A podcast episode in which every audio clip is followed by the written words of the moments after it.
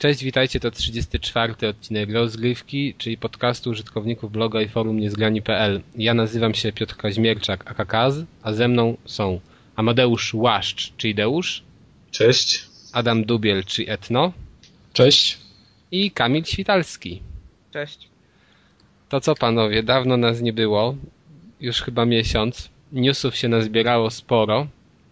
No ale omówimy sobie te najważniejsze które się pojawiły w przeciągu tego miesiąca. Ostatnim hitem chyba newsowym była informacja o tym, że jest planowana przystawka do 3DS-a.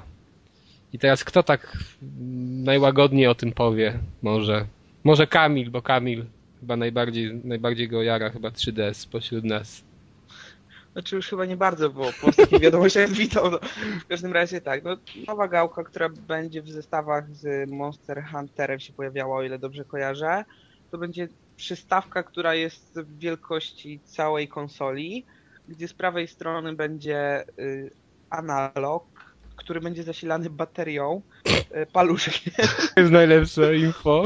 Słuchaj, nie, najlepsze jest to, że ta druga gałka będzie z prawej strony. Jestem ciekawy, w jaki sposób, e, jeżeli się używa dwóch analogów, mamy jeszcze używać przycisków, które nie są triggerami. Ale... Ale najfajniejsze jest to, że to całkiem wystaje z prawej strony i na przykład używanie prawego triggera dla mnie jest teraz zastanawiające jeszcze. No, to będzie, to jest zastanawiające, bo I nie wiem, czy zauważyliście, ale jeszcze się wkłada tego 3DS-a w tą podstawkę, to oprócz tego, że z prawej strony mamy tą całą część z analogiem, to z lewej strony też taki centr wystaje i to no wygląda tak, jakby tak. ten DS leżał na takim małym stoliczku. To to jeszcze jest krzywy, znaczy krzywo ustawiony, bo nie jest tak po środku wszystko zrobione. Więc jakby ekran nie po środku teraz całego urządzenia, tylko bardziej na lewo. Ale to, dramat. To, to jest dramat, tylko że i to jeszcze powiedz Kamilu mówiłeś, nie wiem e, ile to kosztować ma? E, nie, chyba nie powiedziałem, że cena tej super zabawki, tego daku, który wszyscy musimy mieć, kosztuje 20 do, wynosi 20 dolarów. Tak, i już zapowiedziano nawet gry, które będą obsługiwać m.in. Kingdom Hearts czy, czy nowy Resident ale pewnie większość gier nowych już to też, tak mi się wydaje, jeżeli 3DS jeszcze przetrwa, to, to, to będzie obsługiwać to urządzonko, ale tutaj ty mówiłeś o tym, że będzie problem z przyciskami. No, no tak, tylko że wiesz, jak używasz gałki, to, to nie używasz też przycisków innych w tym no momencie oprócz triggerów. No jakich używasz? No na PS3 jednym biegniesz, jednym zmieniasz kamerę, a trzecim strzelasz, czy tam... No tak, ale strzelasz triggerami, a tutaj, wiesz, nie używasz tych przycisków typu, nie wiem, A, B, w przypadku Nintendo, więc tutaj akurat ja nie widzę problemu, chyba że triggery będą faktycznie, tak Deusz mówił, że wiesz, że to będzie problem. No to będzie problem. No to problem, no bo jak, tylko jeden trigger będzie, ten z lewej strony będzie dobrze dostępny, no bo ten z prawej będzie... Ale właśnie, a tam nie będzie też triggerów, bo tam była też takie, takie informacje, że ma być kolejny przycisk tam na, wiesz, na, jako trigger następny. Chyba mają też być, o ile się teraz nie mylę. Aha. Przystawce. Nie no, w końcu ten paluszek to wiesz, musi coś zasilać, nie? No, ale to jest w ogóle też mocne, bo przecież ludzie jak się pojawiły te pogłoski o tym, to wszyscy myśleli, że wiecie, że, że to będzie jakby dodatkowy akumulator, tak? Do, do, do, do, do 3DS-a i 3DS będzie dłużej trzymał na tym. ale, to, ale to w sumie to kolejne akcesoria mogą wychodzić, bo pomyślcie, wiecie, nowa stacja do 3DS-a, ta jest taką dokładką, że ładowarka paluszka tego, nie? Wiecie, całkiem zgrabnie, ale w ogóle to nosić ze sobą, czyli 3DS, plus jeszcze ten mały stoliczek z bateryjką. No w ogóle wyobrażacie sobie to włożyć do kieszeni, bo 3DS-a jeszcze można, się zamyka i okej, okay, ale to z gałką na wierzchu i jeszcze na dodatek to się może odczepiać przecież podczas noszenia w kieszeni. Nie no, fantastyczny pomysł, fantastyczny. Znaczy, w ogóle to jest błąd konstrukcyjny Nintendo od samego początku, o czym też mówiłem, jak myśmy tutaj rozmawiali o 3DS-ie, że dlaczego oni nie postawili na drugą gałkę? Po prostu każda Postawią gra... w lajcie. Co, co? Postawią w drugiej wersji. No, tylko że to, no dokładnie, ale dlaczego tego nie zrobili, skoro wiedzą, że teraz ta konsola ma takie możliwości, powiedzmy, jak już może nawet lepsze, nie wiem, niż PSP, a na PSP to był ogromny problem właśnie ten brak drugiej gałki. I, i Sony to zauważyło i to zmieniło, a, a, a ci dalej w swoim świecie. Ja tego w ogóle nie kapuję. No i znaczy ja tego nie kapuję, ale oni już chyba, oni nie kapowali, ale teraz już zaczęli chyba to rozumieć. My, myślę, że to jest zapowiedź powrotu do czasów konsol bez akumulatorów, tylko z własnymi paluszkami. No, ale w ogóle to, ja nie wiem, dla mnie to ten 3DS jest na fatalnej pozycji, tym bardziej na tle tych faktów, o których dowiedzieliśmy się też jakoś chyba, nie wiem, dzisiaj, wczoraj, bo jeżeli słuchacze nie wiedzą, trwa właśnie Tokyo Game Show, na którym e, zapowiedziano, to może, to może znowu Kamilu, zapowiedziano Final masę Fantasy gier. 10 To o, Final Fantasy X na co? na Vita i na PS3 i to już jest, znaczy to jest taki must have już teraz dla mnie, taka Vita, bo tych 300 godzin, żeby wbić platynowe trofeum, no to przecież po co siedzieć przed konsolą, skoro można w tramwaju wbijać levele. Ale w ogóle oprócz tego Finala jeszcze zapowiedziano masę gier i A co tam aplikacji. inne gry? Będzie Final 10. No ale będą świetne gry też e, dla tych, którzy może, nie wiem, za Finalem nie przepadają. Ma być chociażby ten Street Fighter X Tekken, no dla mnie to tam mało interesujące, ale powiedzmy, że może niektórych jarać granie w tą samą grę na małej konsoli. Ten DJ Max, tak? To była jakaś gra na PSP, która była Tak, podobno bardzo świetna. popularna seria, no, rytmiczna taka. Shin No ale i tam No, posypały się też jakieś RPG przecież Tak. lawinowo. no, Deuszu? Persona, Shin Megami Tensei. Persona, Dragon's Crown, jakieś nowe RPG od tego- Level 5. Ta bijatyka z personami. Wipeouty, te... Jeśli ogóle- chodzi o tytuły Mask Have, to dla mnie Rayman Origins. Nie, no ale to wiesz. To ja wolę na dużą konsolę. W każdym razie zapowiedziano tego masę, chyba koło setki e, i to wszystko ma wyjść nie w niezbyt długim czasie, bo to jest perspektywa chyba pierwszego półrocza 2012. Więc jakaś, nie wiem, no jeżeli mówimy, że 3DS miał słaby start, to wydaje się, że, że Vita tego nie powtórzy. No tylko, że Ale z ciekawe ile z strony- tego wyląduje w Europie, bo No, No. ale z drugiej strony na 3DS-a na początku też zapowiadali cudanie widy po, po zeszłorocznych E3. Mhm. Zapowiedzieli takie hity, że tacy deweloperzy będą robili gry, a póki co są No tak, ale robocze, wiesz- na przykład jakieś nie, ale oni na Level 3DS nie zap... ale oni na 3DS-a chyba nie, nie, nie, nie zapowiadali konkretnie tytułów, tylko tam napisali, że tam na przykład- 30 Nie, no zapowiada, za, tak, tak, ale to w tym sensie tak, tylko że mm, tutaj oni wygrywa, znaczy Vita wygrywa tym, że nie wiem, na przykład na sam start jest Uncharted. Na sam start. A start 17 grudnia w Japonii konsolki. No więc już sama ta gra to jest, wiecie, no gra, która sprzeda system. A 3DS takiej gry nie miał. I tu już jest... no tak.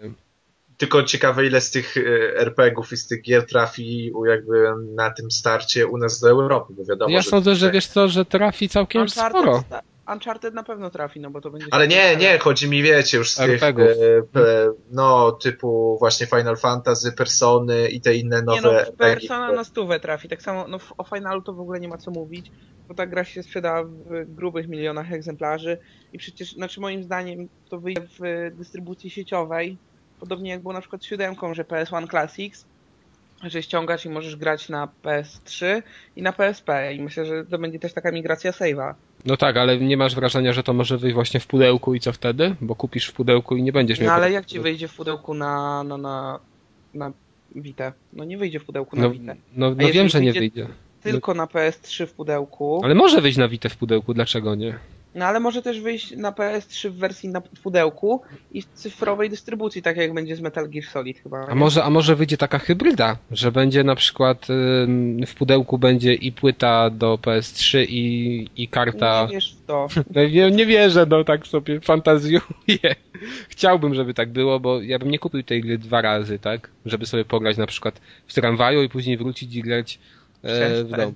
To jest dziesiątka. No dobra, no może ty byś kupił, ja, ja, ja nie. No w każdym razie to mi się wydaje, że, że gry i tam tu nie będziemy wymieniać wam wszystkich serwisy, między innymi Nizgrani to, to szerzej y, o tym pisali, że można sobie zobaczyć jakie tytuły konkretnie zmierzają na Vita, ale będzie wydaje mi się w co grać. A panowie jak uważają? Bo mnie na przykład w tym momencie ta konsolka bardziej jakby przekonuje niż 3DS i to zdecydowanie, a się bardzo dziwię, No, bo Zdecydowanie bardziej Lumines. Na, na 3DS-a w ogóle wyszedł jakiś Tetris? nie wiem. No, no, nie E, na targach Gamescom widzieliśmy, e, o Jezu, jak się ta gra nazywa, te literki się wypełnia, Sudoku w 3D, tak? Wow. Był, było stanowisko z Sudoku w 3D, więc możliwe, że i Tetris w 3D. Aha.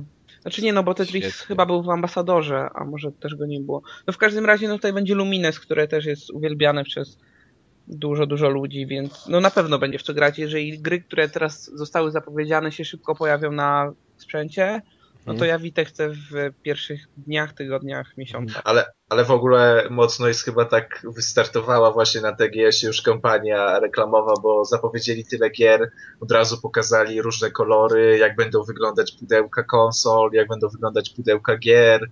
I to Pokazali też karty te pudełka No tak, pokazali też karty pamięci, czy już tak jakby karty na stół.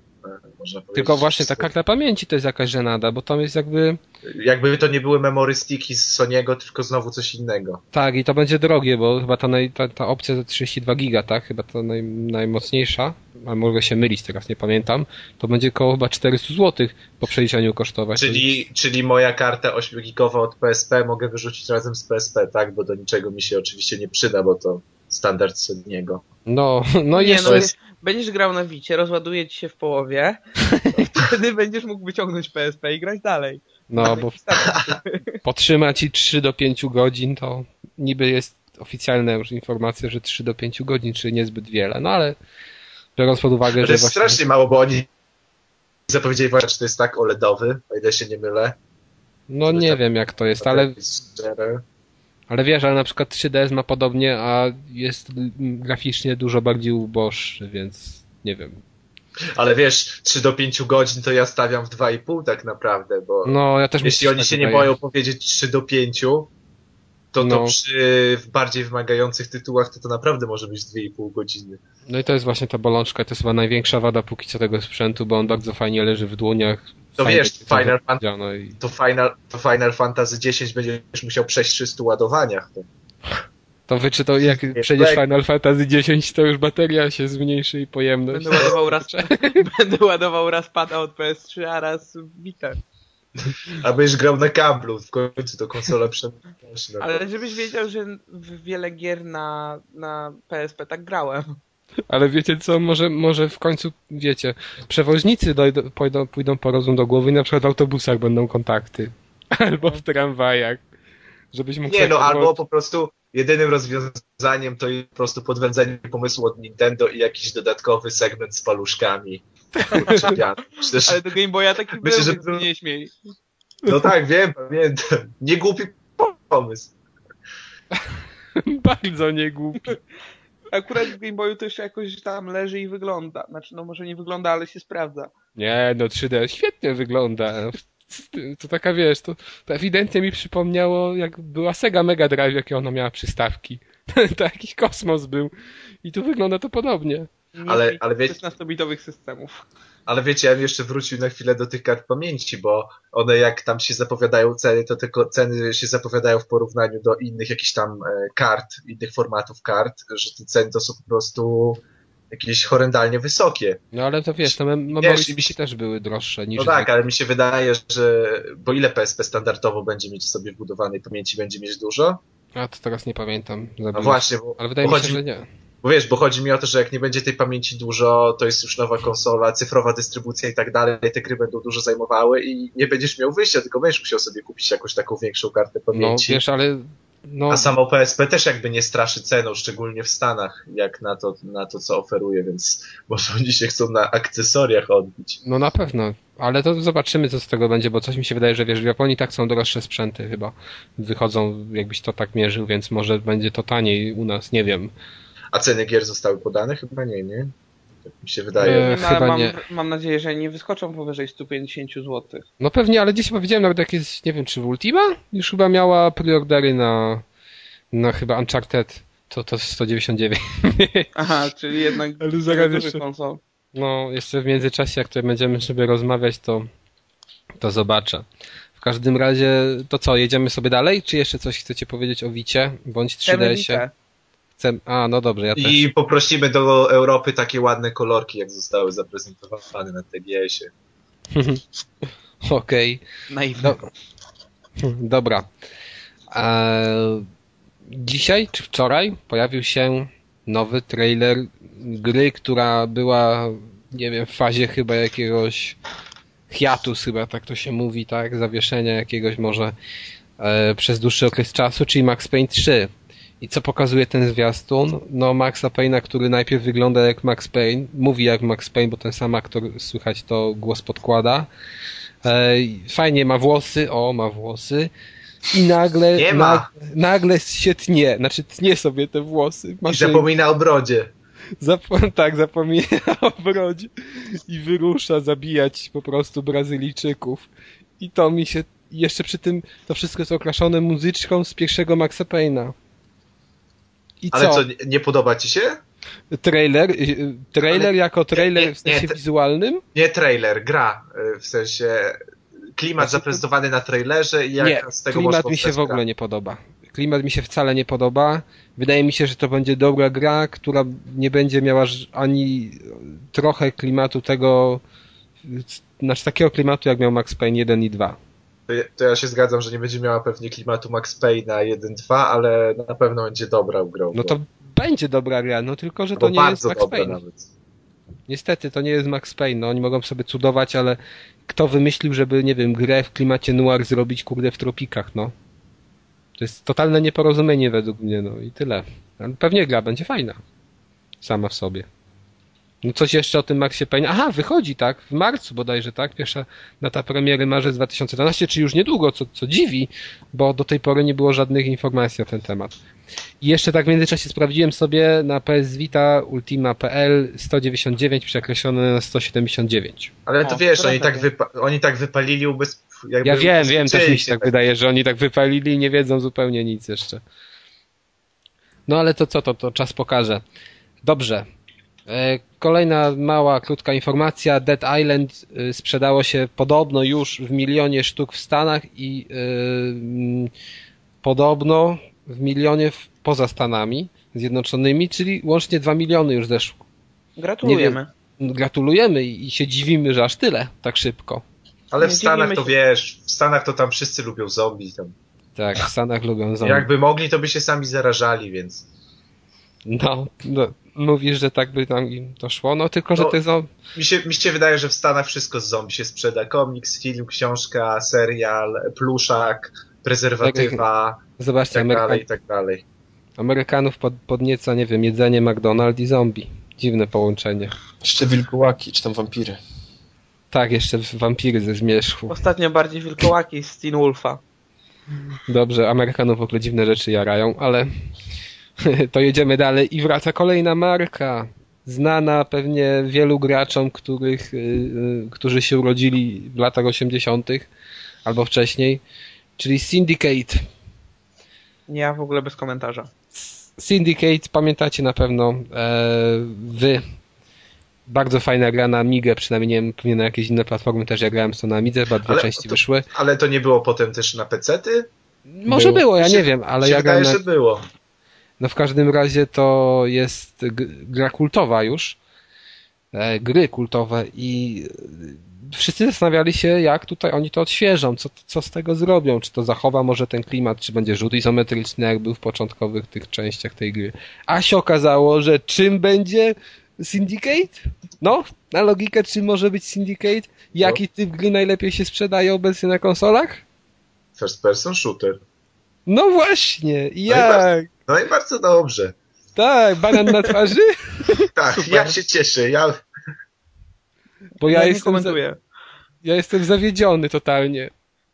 Mi, po, ja już sobie tak, nie wiem, bo zacznę robić y, jakieś podliczenia pod koniec tej generacji i kurczę, nie wiem, no daję głowę, że z 20-30% rynku to jest FPS. To jest jakaś w ogóle masakra dla mnie, no. Co to jest? Co ten rok w ogóle należy Ale- do FPS-u ale w, w ogóle ja się tym jakby, jakby się tym nie interesowałem. E, Jakie studio to robi? Bo wydaje mi się, że nie pan Piotrek. Wiesz co, nie wiem, jak Nie no, kiedyś to robił Bullfrog chyba, nie? No tak, tak. Tak, tak, tak. No Mhm. właśnie pod przewodnictwem pana Piotra Molino. Ale, Jezu, pan Piotr, ale pan Piotr Molino jest chyba teraz zajęty czarowaniem e, elfów na Kinekcie. Piotr Molino teraz powozi. Ale, wiesz, powozi, ale inną karetę. Nie sądzę, żeby on w tym Ale zapomnieliśmy wspomnieć, jeszcze byliśmy na Gamescomie i na Gamescomie nie było Galop Racera niestety. Jest, no, niestety, niestety. Ale no, w każdym razie to, to mnie to, nie wiem, zszokowało i nie, wkurza mnie to ty, i tyle. No, nie chcę FPS-ów. Koniec z FPS-ami. Ba, ban na FPS. Koniec, Ale koniec z grami w ogóle. To co? Ale Koniec z nawet Call of. Duty kupisz. No kur... nie wiem, może kupię, ale jeżeli to kupię, na pewno, na pewno już inne pójdą w odstawkę. No może jeszcze Resistance, bo... bo no, no bo to są gry, które naprawdę, nie wiem, pograsz sobie w dwie takie w ciągu roku i już masz dosyć na cały rok. Przynajmniej dla mnie. Nie, to jest jedna gra, którą kupujesz i do premiery kolejnej jej części grasz nią non-stop. Nie wiem, ja w tym roku grałem w jednego FPS-a, którego skończyłem, a grałem chyba w trzy. Zacząłem grać i pograłem z 20 minut w te pozostałe, albo nawet więcej niż trzy. To był, a skończyłem jedynie Duke Nukem. Tylko Ale to... bo ty nie rozumiesz, bo first person shooter jest po prostu taki najbardziej imersywny dla ciebie, bo ty jesteś bohaterem, patrzysz z oczami. Bardzo imersywny, wow. Ty jesteś kontrolerem, jeszcze no, powiedz. No właśnie, Deusz. Wiesz, jak stosujemy taką logikę, to, to, to wychodzi, że ty najbardziej lubisz gry na Kinecta. No bo tak jest. Ale... No Deusz tam wymiatał w Kinect Star Wars. Ja widziałem, że wymiatał też w innych fajnych grach na Kinecta. No, tancerz z niego urodzony jest, więc też może... Zresztą też. ze mnie kontakt. Ze mnie to wiesz, to, to jest, nie wiem, druga Lady Gaga, jeżeli chodzi o taniec. Koniecznie zobaczcie sobie filmiki, są na niezgranych z naszych popisów przed kamerą. A jedziemy dalej sobie z newsami. FIFA 12 pewnie wielu z użytkowników obchodzi ta seria. Okazuje, okazuje się, że jeżeli ktoś z Was chciałby na przykład pograć sobie Legią Warszawa, czy Lechem, czy Wisłą, czy innymi drużynami, to sobie nimi nie pogra w FIFA 12, bo polskiej ligi oficjalnie tam nie ma. Przynajmniej T-Mobile Ekstraklasy, jakaś namiastka polskiej ligi się pojawi, ale drużyny będą miały inne nazwy, natomiast zawodnicy będą prawdziwi. I co? Zaskoczenie dla mnie, dla was?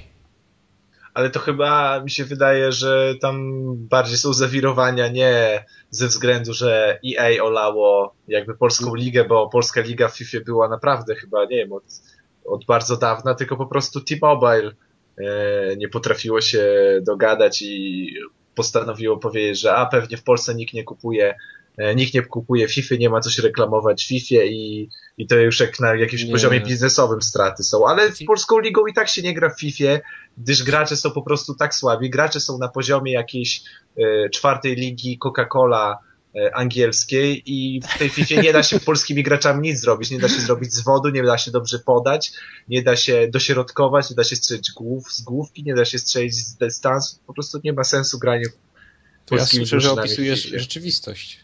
No, bo, bo, FIFA to jest, nie wiem czy wiesz, to jest symulator piłkarski, a nie... No to więc wszystko się zgadza, dlaczego mnie... To ja już wiem, dlaczego mi nic nie wychodziło, jak Lechem chciałem grać. Żaden dribbling nawet dobrze nie wszedł.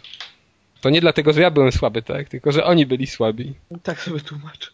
Ale, ale w FIFA 12 też podobno, nie wiem czy słyszeliście, ale nie będzie e, pana Kręciny. No, jakby on zakręcił, to wiesz... I pana Lato też nie będzie. To by wszyscy wylądowali na ziemi. Pan Lato? No, pan Lato też świetny człowiek. Znaczy tam na pewno nie będzie piłkarskie lato. Dobrze. E, ostatni news już z tej szerokiej palety. Taki trochę negatywny albo bardzo negatywny, a mianowicie Katrin, tak, czy, tak oczekiwana przez wielu, nie wyjdzie w tym roku. Przynajmniej w Europie. Znaczy już na wszystkich innych rękach jest, więc tylko w Euro Europa jej pozostała. Ma wyjść dopiero w 2012, 2012, więc może Co? to i lepiej z jednej strony. Trzeba Jeśli sprowadzać. Nie... No to jedna sprawa, ale z drugiej strony teraz wychodzi tyle gier, że Catherine mogłaby gdzieś tam zaginąć pośród wszystkich Battlefieldów, Uncharted i całej reszty. No teraz wychodzi w ogóle taka masa gier, że nie wiem, że głowa boli. Ale początek roku też chyba przyszłego tak całkiem jest obfity.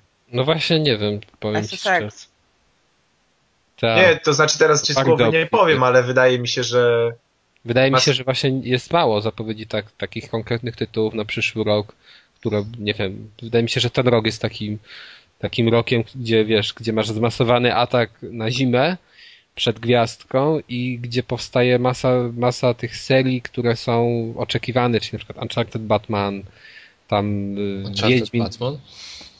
No Uncharted Batman. No w mhm. sensie po przecinku, przecinku, po przecinku Adamie. Chociaż Uncharted Batman też mógłby kiedyś wyjść, może coś fajnego. Bardziej Lara. Uncharted Batman Lara. Croft. No I właśnie Lara wychodzi, to jest. Uncharted, Batman, Lara Croft w konwencji porno. I ja bym to kupił. Boże. O, wow. Jezus Maryjo. Lara przebrana za Batmana w konwencji porno razem z Drake. A Drake jako Lara. No, Drake jako Lara. A, ba a Batman kręci i włącza się do akcji. Nie, Batman będzie Batmobilem. Dobra. Bat gadżety. To wszystko będzie w Batmobilu się odbywało. Dobra, ale, Kaś, ale Kaśka dopiero za rok. Dobrze, dobrze, okej. Okay. E, to nie wiem, czy robimy przerw, chyba nie, bo 25 minut dopiero. Pojedziemy sobie już no, grami, w które graliśmy. Może nie było ich zbyt wiele, ale jeden na pewno soczysty tytuł. A zaczniemy sobie od demka czy triala e, Blood Raina Betrayal, który pojawił się na PSN i na Xbox Live Arcade, z tego co Deusz mi powiedział, bo myślałem, że nie. E, no, jak ja to odpaliłem, znaczy wydawało mi się na grafikach, że to jest, że to będzie ładne i że to będzie przyjemne. Bo lubię przecież gry w 2D, lubię jakieś tam bijatyki 2D. Takie myślałem, że to trochę taka platformówka też będzie. Ale jak to odpaliłem, to się okazało, że, że ta gra jest dla mnie jakimś, to, to kompletnie mi się nie podoba. Nie wiem, czy, czy, czy, czy któremuś z was w ogóle się to spodobało, to to demko, czy kupiliście może Blood Raina nowego? Mi się nie spodobało po pierwsze w konwencji artystycznej, bo, bo wydaje tak... mi się, że ono jest za bardzo takie, no nie wiem, kres, kreska jest taka dość dziecinna, tak, tak e, ciężko to jest opis się nie podoba, bo nie, nie jest jakaś taka wyrazista, e, tylko po prostu, no taka pos, pospolita animowana, a poza tym w to się po prostu słabo gra, bo nie wiem, czy są jakieś potem w dalszych etapach się odblokowuje kombosy, czy nie, ale walka polega na klikaniu jednego przycisku, e, ewentualnie dwóch, ale niestety nie potrafiłem opanowywać umiejętności wysysania krwi z przeciwników, bo wysysanie krwi z przeciwników daje nam życie, co jest standard w wampirach. No i po prostu ta gra jest takim samograjem, no słabym samograjem z, z, z, bardzo jakaś taka dziwna artystycznie i nie wiem czemu ona się w ogóle nazywa Blood Rain, skoro... No bo to jest, wiesz, no seria tam, no ale w każdym razie, no żeby sprzedać. Ale no... Nie, no tak, teraz wychodzi Blood Rain, za chwilę znowu wychodzi Burnout też przecież. No, no, no w każdym razie to, to wiesz, to na przykład graficzne to to jest takie taki dziwny miks mi się wydaje stylistyczny, bo to trochę wygląda jak flaszówka, ale czas miejscami wygląda dużo lepiej niż flaszówka.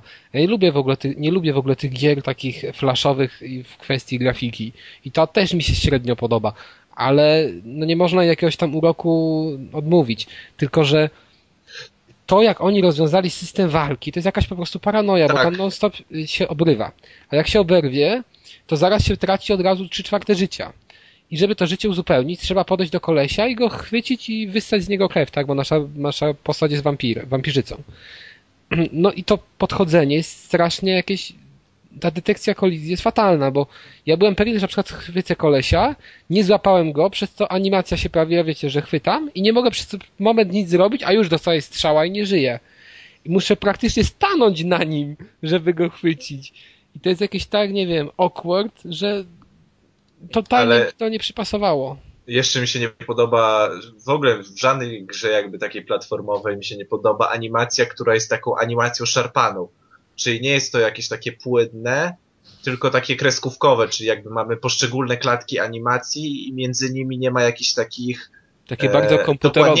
Czyli to jest takie właśnie bardzo komputerowe, że nagle ma rękę w górę, w górze i za pół sekundy ma tą rękę spuszczoną i wydaje mi się, że to jakoś tak w pewien sposób utrudnia i samo sterowanie, system walki, ale i nawet jakieś tam elementy, załóżmy platformowe i tak dalej. No, no w ogóle to, to jakieś odbijanie od ściany z jakimś bezsensem, bo to można się... A, bo, bo, bo żeby odbić się od ściany, to trzeba Yy, Ale tam jakby nie ma odbijania.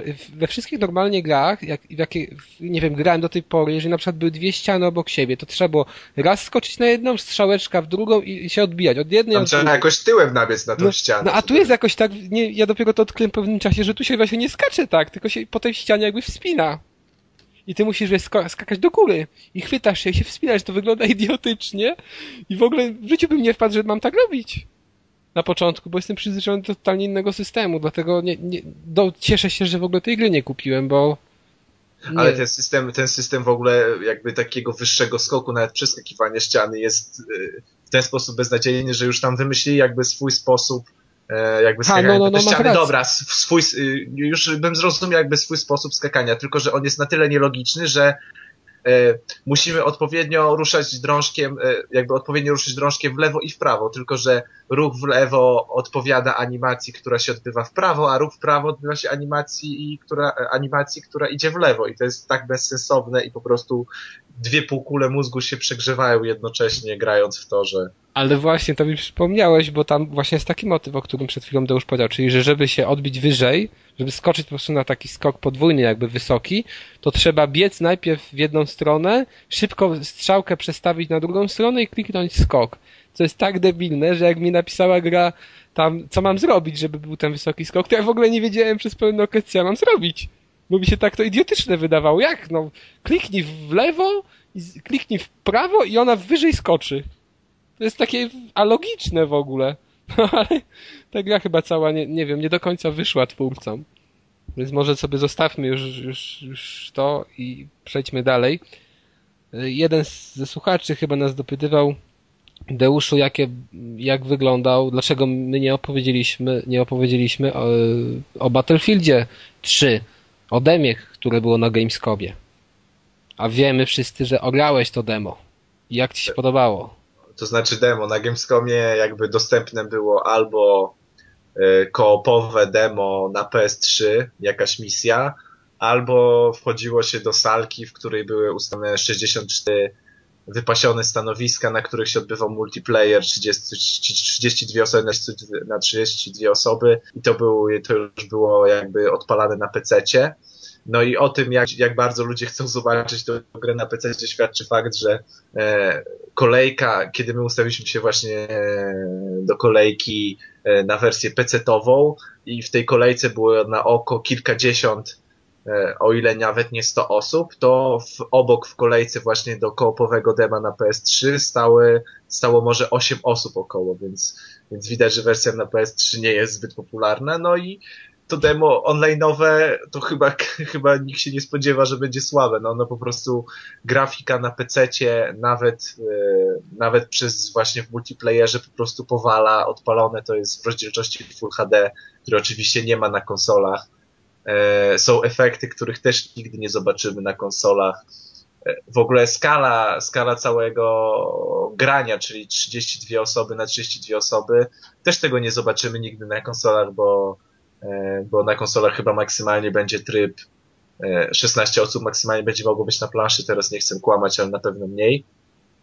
No i gra się świetnie, no po prostu e, tak, realisty, tak jakby realistycznego graficznie, no nigdy nie byłem na polu bitwy, niestety nie dane mi było jeszcze walczyć na froncie, ale tak realistycznego, tak, realistycznych bitew po prostu jeszcze nigdy nie widziałem. To już wszystko prostu, przed tobą, możesz się zapisać do wojska. I po prostu tam dek zapiera wszystko, elementy jakichś wystrzałów, e, o, ogień, e, jak to się prezentuje graficznie, e, jak to jest wielkie, pojazdy, modele pojazdów, to jak się tym wszystkim steruje.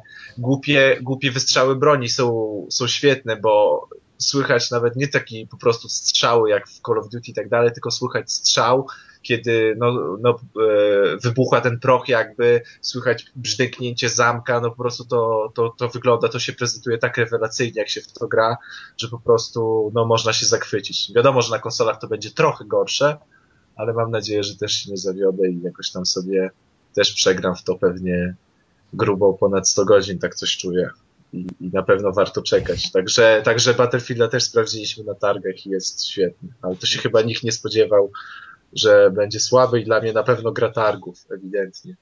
Tak, ja i tak kupię Call of Duty, jeżeli kupię cokolwiek z tych gier. Ale dobrze. Kamilu, no, ty jesteś, o ile wiem, bardzo oddanym fanem w ogóle, w ogóle gier starych jeśli tak mogę powiedzieć, ale też bijatyk. Ostatnimi czasy miałeś przyjemność sprawdzić dwie z kultowych już serii.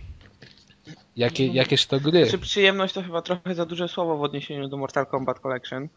Wow, a co Jak... to w ogóle powiedz, co to jest to Mortal Kombat Collection? Mm, jest to układanka trzech pierwszych e, Mortali, znaczy no nawet nie trzech pierwszych, bo tam jest jedynka, dwójka i Ultimate Mortal Kombat 3, czyli takie coś pomiędzy trójką a Trilogy. Znaczy system jest trójki, plus y, trochę więcej postaci niż podstawowej wersji trzeciej części gry.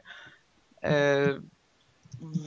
na początku zapowiadali, że to będzie kolekcja wydana w HD i jak się oglądało te trailery, wyglądały super. Jak odpaliłem grę, troszkę mi się przykro zrobiło, że to tak nie wygląda. No ale to był dopiero początek końca. Każdy nie w ogóle. A czekaj, powiedz mi jeszcze, że to jest na całości wyświetlane? Znaczy zrobili na 16 na 9 czy jak? E, wiesz co, nie, jest chyba nawet się nie da zmienić na 16 na 9 w tej grze. Aha, czyli... Można wybrać widok albo 4 na 3 gdzie z prawej strony masz takie ramki w zależności od części różne, e, albo... To taki... się świetnie na plaźmie sprawdzi, na pewno. No, jest cudownie. E, albo jest jeszcze taki widok imitujący automat że jest taki wygięty i że niby było no, dramat. Nie, no to fajnie wygląda, bo tak Final, Final Fight też trochę wygląda właśnie. No tak, może wszystkich nabierać, patrz, mam automat w telewizorze, a wszyscy, serio to jest automat, a nie ten Daj pograb. A ty mówisz, nie, nie to prawda automat. No jeszcze podstawisz mu, wiesz, tak arcade sticka i on to było. Tak, jeszcze postawisz puszeczkę na monety. Dobrze, jak to tam wygląda już w kwestii gameplayu? Jeżeli chodzi o gameplay, no to nie jestem fanem pierwszej części, więc przeszedłem e, nad Goro troszeczkę posiedziałem, ale to nie był jakiś tam duży problem, bo 10-15 minut i pokonałem potwora. Grałem na normalu bez problemu. Wiesz, no Goro w końcu ma cztery ręce, to ma ten handicap. No. Odpaliłem y, dwójkę, w którą przegrałem chyba najwięcej godzin w swoim życiu. Znaczy, to jest gra, w którą grałem najwięcej w swoim życiu, jeżeli zliczymy wszystkie gry w ogóle. E, zawsze grałem w wersję amigową, gdzie jest jeden przycisk, jest okrojona i działa to troszeczkę inaczej. E, w każdym razie no tutaj grało się całkiem w porządku, bo już od jakiegoś czasu też pogrywam w wersję z PSX-a, więc mam w miarę opanowane kombinacje klawiszy.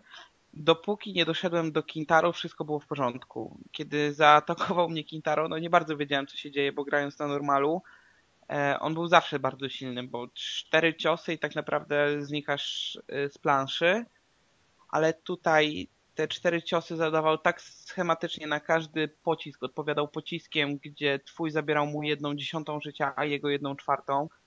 E, skakał, no w ogóle nie, nieziemski poziom trudności i jak pisałem tekst na niezgranych, to jeszcze wówczas nie udało mi się go pokonać.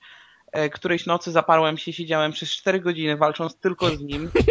rozkminiłem każdy jego ruch. Przegrałeś jak... swoje życie. Nie, wiedziałem jak zareaguje. Nie no, bo to już trochę obciach, że nie mogę przejść tego z Kintarą. E, wiedziałem jak zareaguje na każdy mój ruch, na każdy... No, poznałem po prostu wszystkie, bo był tak bardzo schematyczny, z tym, że postać jest zaprojektowana w taki sposób, że jeżeli nie masz szczęścia, to i tak nie masz szansy go pokonać, bo e, wiedziałem jak unikać, czy jak reagować na pewne jego ruchy, żeby fajnie wyjść z danej sytuacji, ale jeżeli zbliżył się y, do ciebie i to już nie miałeś szans, bo jeżeli chcesz przeskoczyć, to on cię złapie i to jest coś w rodzaju y, no, kolejny atak, który zabiera ci jedną czwartą energii. Później rzuci w ciebie, znaczy rzuci, no poleci w ruch ta jego magiczna rakieta, czy jak zwał, tak zwał i już nie masz połowy energii. Zaraz się skrzyni, skoczy i po tobie. W każdym razie poznałem postać od początku do końca i nigdy więcej nie zamierzam go pokonywać. Co śmieszne, jak dobrnąłem do Shao e, za pierwszym razem go pokonałem, bo był po prostu prostacki e, i nie, nie, był w ogóle wyśrubowany. Nie wiem, co się stało z tym Kintaro. Dramat. Jeżeli chodzi o Ultimate'a, no to grałem w niego trochę, bo najwięcej wszystko spędziłem przy dwójce grając, e, z, znaczy próbując pokonać Kintaro. E, nie zauważyłem tam jakichś rażących błędów, chociaż z tego co czytałem, nie wiem czy któryś z Was grał w trójkę, tam jak się gra w Versusa, to przy ładowaniu się e, walki, kiedy już wybierze się postacie, są takie Mortal Code, to się bodajże nazywa, gdzie jak wklepiesz daną kombinację, to można później, to się odblokowuje coś, e, można odblokować cztery za, zablokowane postacie, czy trzy, lub e, wklepać jakąś nieśmiertelność, no takie cheaty po prostu na daną walkę. E, podobno nie da się ich wpisać w tej wersji, ale już pomijając to, no jest masa różnych dziwnych błędów, które nadal nie zostały naprawione. Muzyka, która się wiesza, E, tryb sieciowy, który w ogóle jest niegrywalny, bo jest, tak... Prawdziwa tyle... edycja HD. są takie lagi, że to jest w ogóle jakaś masakra. Już nie mówiąc o tym, że jest jeszcze taki śmieszny glitch, y, kiedy pauzujesz grę i później y, chcesz, znaczy odpauzowujesz, tak, żeby grać dalej, to przeciwnik, czyli komputer może się ruszać bez problemu i cię atakuje, natomiast ty masz jakieś tak dwie, dwie sekundy przerwy. Więc w przypadku Kintaro to już była pewna śmierć. Ale słuchaj, no czego ty się spodziewałeś, jeżeli chodzi o tego Kintaro? No jak się nazywa ta gra? Mortal Kombat. No właśnie, no. Czyli walka, można powiedzieć, na śmierć i życie. No dobrze, ale to ja zawsze miałem wygrywać. No, nie wiem, no może, może ona chciała cię zabić, wiesz. Są tak jesteś, już, jesteś już duży i musisz wiedzieć, że życie czasami daje w kość. nie, ale, ale to, to czasem można umrzeć przed komputerem. Może o to chodzi w tym Mortal Kombat, takie podświadome, bo tam przecież były teraz w telewizji ostatnio nagłosione przypadki, że jakiś koleś umarł, bo siedział y, nad grą i po prostu jakieś, nie wiem, funkcje życiowe nie, w każdym nie razie zadziałały nadal dobrze. nic nie zmieniło i nadal nikomu tej gry nie polecam. A powiedz, jest Liu Kang z tym swoim jest, jest. Wszystko jest, tylko że jest masa błędów i czekam na jakikolwiek patch, który chociaż w większości z nich się pozbędzie, no bo tak jak mówię, teraz gra jest niegrywalna. Bardzo się cieszyłem na myśl o tym, że będę mógł sobie pograć w Mortala 2 przez sieć, no ale no tak, cieszyłem się dopóki gra nie wyszła. No a kim, kim lubisz najbardziej grać? Lubisz tak, wiesz, strzelać ludzi po jajach, ale Johnny Cage? ale zależy w którą część, bo w jedynkę nie lubię grać w ogóle, trójce gram Sub-Zero albo Smokiem, bo są łatwi w obsłudze, a w dwójce gram Milino. Znaczy zauważyłem w trybie sieciowym, że mm, przeważnie ludzie wybierają Milinę. No ja lubię grać najbardziej baraką. Najbardziej lubię grać baraką, Miliną też lubię, no Sub-Zero lubię. Ty lubisz postacie, sobie... które mają duże zęby. Tak, ale wtedy sobie biorę Shang Tsunga i się zamieniam w kogo chcę. Dobrze, czyli nie polecamy. Nie polecamy, absolutnie nie polecamy. Mortal Kombat Collection. Dobrze, to może o tej drugiej bijatyce opowiesz trochę później. Okay. A teraz, teraz przejdziemy do, do Deusza. E, Deuszu, słyszałem, że ostatnio jedna gra skradła ci wiele czasu i, i spowodowała to, że przerwałeś e, grę Deus Exa. Deus Exa. Cóż to za gra? Jest to gra konsolowa, nie, tfu, konsolowa, co ja mówię, jest to gra pecetowa, czyli zdradziłem znów konsolę na rzecz peceta. Nie, my już się sprzedajemy jest... za tanią chyba. Tak, jest to gra, o której pewnie mało osób, tak sądzę, mało osób w Polsce by nie usłyszało, gdyby nie tekst y, Konrada na poligami.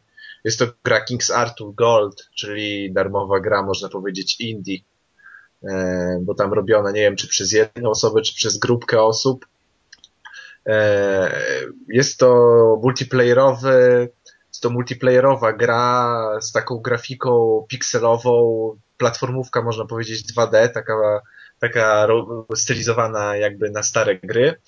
E, o co w niej chodzi? E, dzieli nas, e, dzielimy się na dwie drużyny, maksymalnie po 16 osób i rozpoczynamy na losowo generowanej planszy i na tej planszy mamy po prostu skały, ziemia, drzewka i to wszystko. I każda z drużyn ma taki malutki zameczek, w którym ma flagę. E, I zadaniem przeciwnych drużyn jest po prostu przedostanie się do obozu wroga, ukradnięcie flagi i powrót z flagą do własnego obozu. E, ale jakby cała gra polega na tym, że, że jakby te kradnięcie flagi nie jest trudne. Mm, bo na początku gry, w trakcie gry oczywiście możemy sobie przełączać te postacie do woli, ale wybieramy sobie jedną z trzech klas, czyli mamy budowniczego, mamy łucznika i mamy E, no takiego zwykłego, o Jezu, Knighta, no żołnierza, tak? Mhm. Rycerza, o, rycerza, rycerza z mieczem i starczą. Jakby każda postać e, ma różne umiejętności. Wiadomo, łucznik, łucznik potrafi strzelać oraz ścinać, ścinać strzelać z oraz ścinać drzewa i przerabiać je na strzały. E, o, o to, dobry. Właśnie, no, e, jak to się nazywa? No jak ten Knight. Rycerz. Też Rycerz. Rycerz, nie, rycerz potrafi Domyśl. blokować, ta, rycerz potrafi blokować tarczą oraz, no wiadomo, ciachać mieczem. No i robotnik, czyli moja ulubiona klasa, potrafi kopać, potrafi zdobywać surowce. Potrafi... Ale ludzi kopać? Czy ziemi? Nie, kopać w ziemi. Kopać w ziemi, bo plansza jest jakby zbudowana z takich malutkich kwadracików. I jakby każdy kwadracik to jest albo kwadracik ziemi, albo kwadracik skały. E, I może i jeszcze właśnie budowniczy potrafi kopać w ziemi, czyli może robić jakieś tam podkopy, może w tej ziemi też wykopywać skały i te skały pozyskujemy jako surowiec do budowy murów naszego zamku, do powiększania, e, może rąbać drzewo i to drzewo przerabiać na pułapki, na mosty, na drabiny, na katapulty. Majster. I na bramy, o właśnie, i, i to jest praktycznie gra się składa tylko z tylu elementów, ale jakby to wszystko w porównaniu z tym, że jakby grają w to osoby zainteresowane grami, które potrafią grać i naprawdę na serwerach dzieje się dużo, bo ludzie jakby umiejętnie te wszystkie elementy, czyli jakieś tam właśnie budowanie z kamiennych bloków, budowanie pułapek, kolców, murów, podkopów, jakichś systemów właśnie tuneli, e, jakieś i tak dalej, i tak dalej. Po prostu już ludzie poznali wszystkie elementy tej gry, jak to można wykorzystać efektywnie i naprawdę gra się długo, bo, bo z tego co ja grałem, to jedną partię można grać nawet 45 minut do godziny. E, czasami potrafią się rozgrywać te fortece i to naprawdę bardzo fajnie wygląda, jak czasami się e, zdobywa w kilka osób te fortece i widać jak wróg dobudowuje e, różne rzeczy, a my w tym czasie rozwalamy, próbujemy się podkopać, próbujemy zdobyć, zdobyć jego zamek, no i naprawdę to jest tak wciągająca zabawa. Gra jest darmowa, gra jest multiplayerowa, fajnie się gra w to z innymi ludźmi y, i naprawdę wciąga. Jeśli ktoś lubi, jeśli komuś się tylko podpasuje stylistyka i załapie y, te pierwsze elementy gry, jak to się gra, to naprawdę można się wciągnąć, bo, bo chyba każdy lubi sobie podbić czasami jakiś zamek, tak po godzinach. I jeszcze jest, jeszcze jest to fajne właśnie, że to jest dla wszystkich ludzi, bo ja oczywiście nie, nie siedzę nad tą grą tyle, ile inni ludzie potrafią siedzieć i nie potrafię e, grać na przykład tymi klasami bojowymi, czyli łucznikiem albo, albo rycerzem, e, ale za to mogę po prostu się realizować jako e, robotnik i po prostu inżynier i mogę grać rozumem, a nie, a nie po prostu zręcznością i nie być osiłkiem, tylko intelektualistą i w tej grze intelektualistów się docenia. Intelektualistą. Jestem z tego, jestem z tego dumny i wszystkim grę polecam, bo jest za darmo, można sobie sprawdzić, pograć. Teraz jest naprawdę, jeszcze na serwerach teraz jest masa Polaków, można powiedzieć, że 90% to są Polacy po tekście na poligami, dlatego polecam King Arthur's Gold. Chyba 10, 8 albo 10 mega zajmuje ta gra.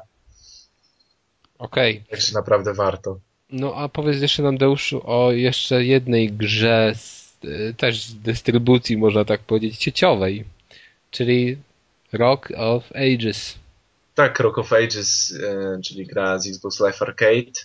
Y, ją sprawdziłem, na razie grałem bardzo krótko, bo ona była zapowiadana jak mm, takimi bardzo, nie wiem czy pamiętacie, takimi ciekawymi trailerami.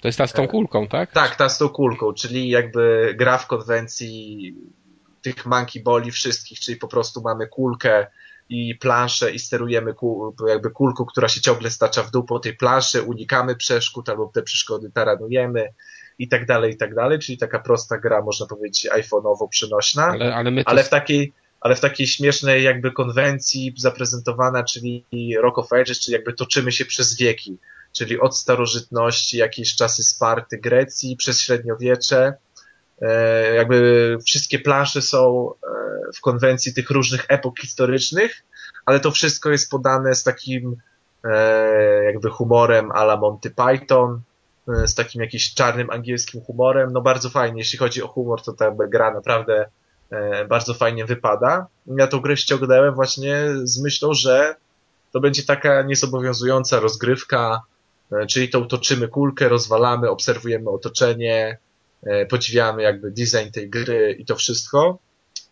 No ale się okazało, że, że, że ta gra nie do końca tak wygląda, gdyż e, w tej grze są również elementy Tower Defense.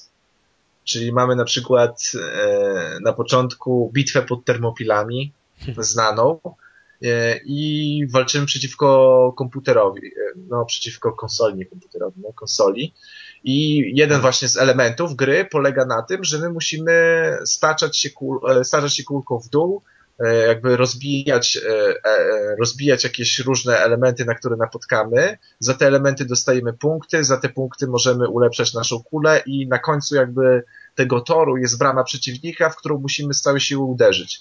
Ale jedno uderzenie jakby naszej kuli niszczy bramy, tylko musimy próbować ciągle od nowa, od nowa, od nowa, aż zburzymy kulę.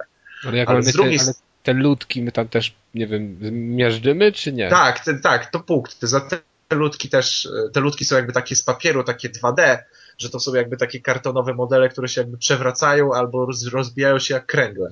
Aha. E, ale z drugiej strony konsola jakby robi to samo. Czyli my też mamy bramę, którą próbuje rozbić konsola i konsola też steruje tą kulką. I za te punkty, które zdobywamy e, właśnie rozbijając rzeczy wroga, e, rozstawiamy na naszym torze różne przeszkody, czyli jakieś bramy, jakieś wieżyczki, jakieś rozpraszacze kuli przeciwnika, no różne takie jakby tematy w stylu Tower Defense, żeby przeciwnik, żeby utrudnić przeciwnikowi rozbicie naszej bramy. No i gra polega po prostu na tym, kto szybciej komu rozbije bramę, zbuduje lepsze fortyfikacje, czyli trochę jakby intelektualne tutaj elementy Tower Defense oraz kto jakby się wykaże większą zręcznością i ominie te fortyfikacje wroga i rozbije bramę.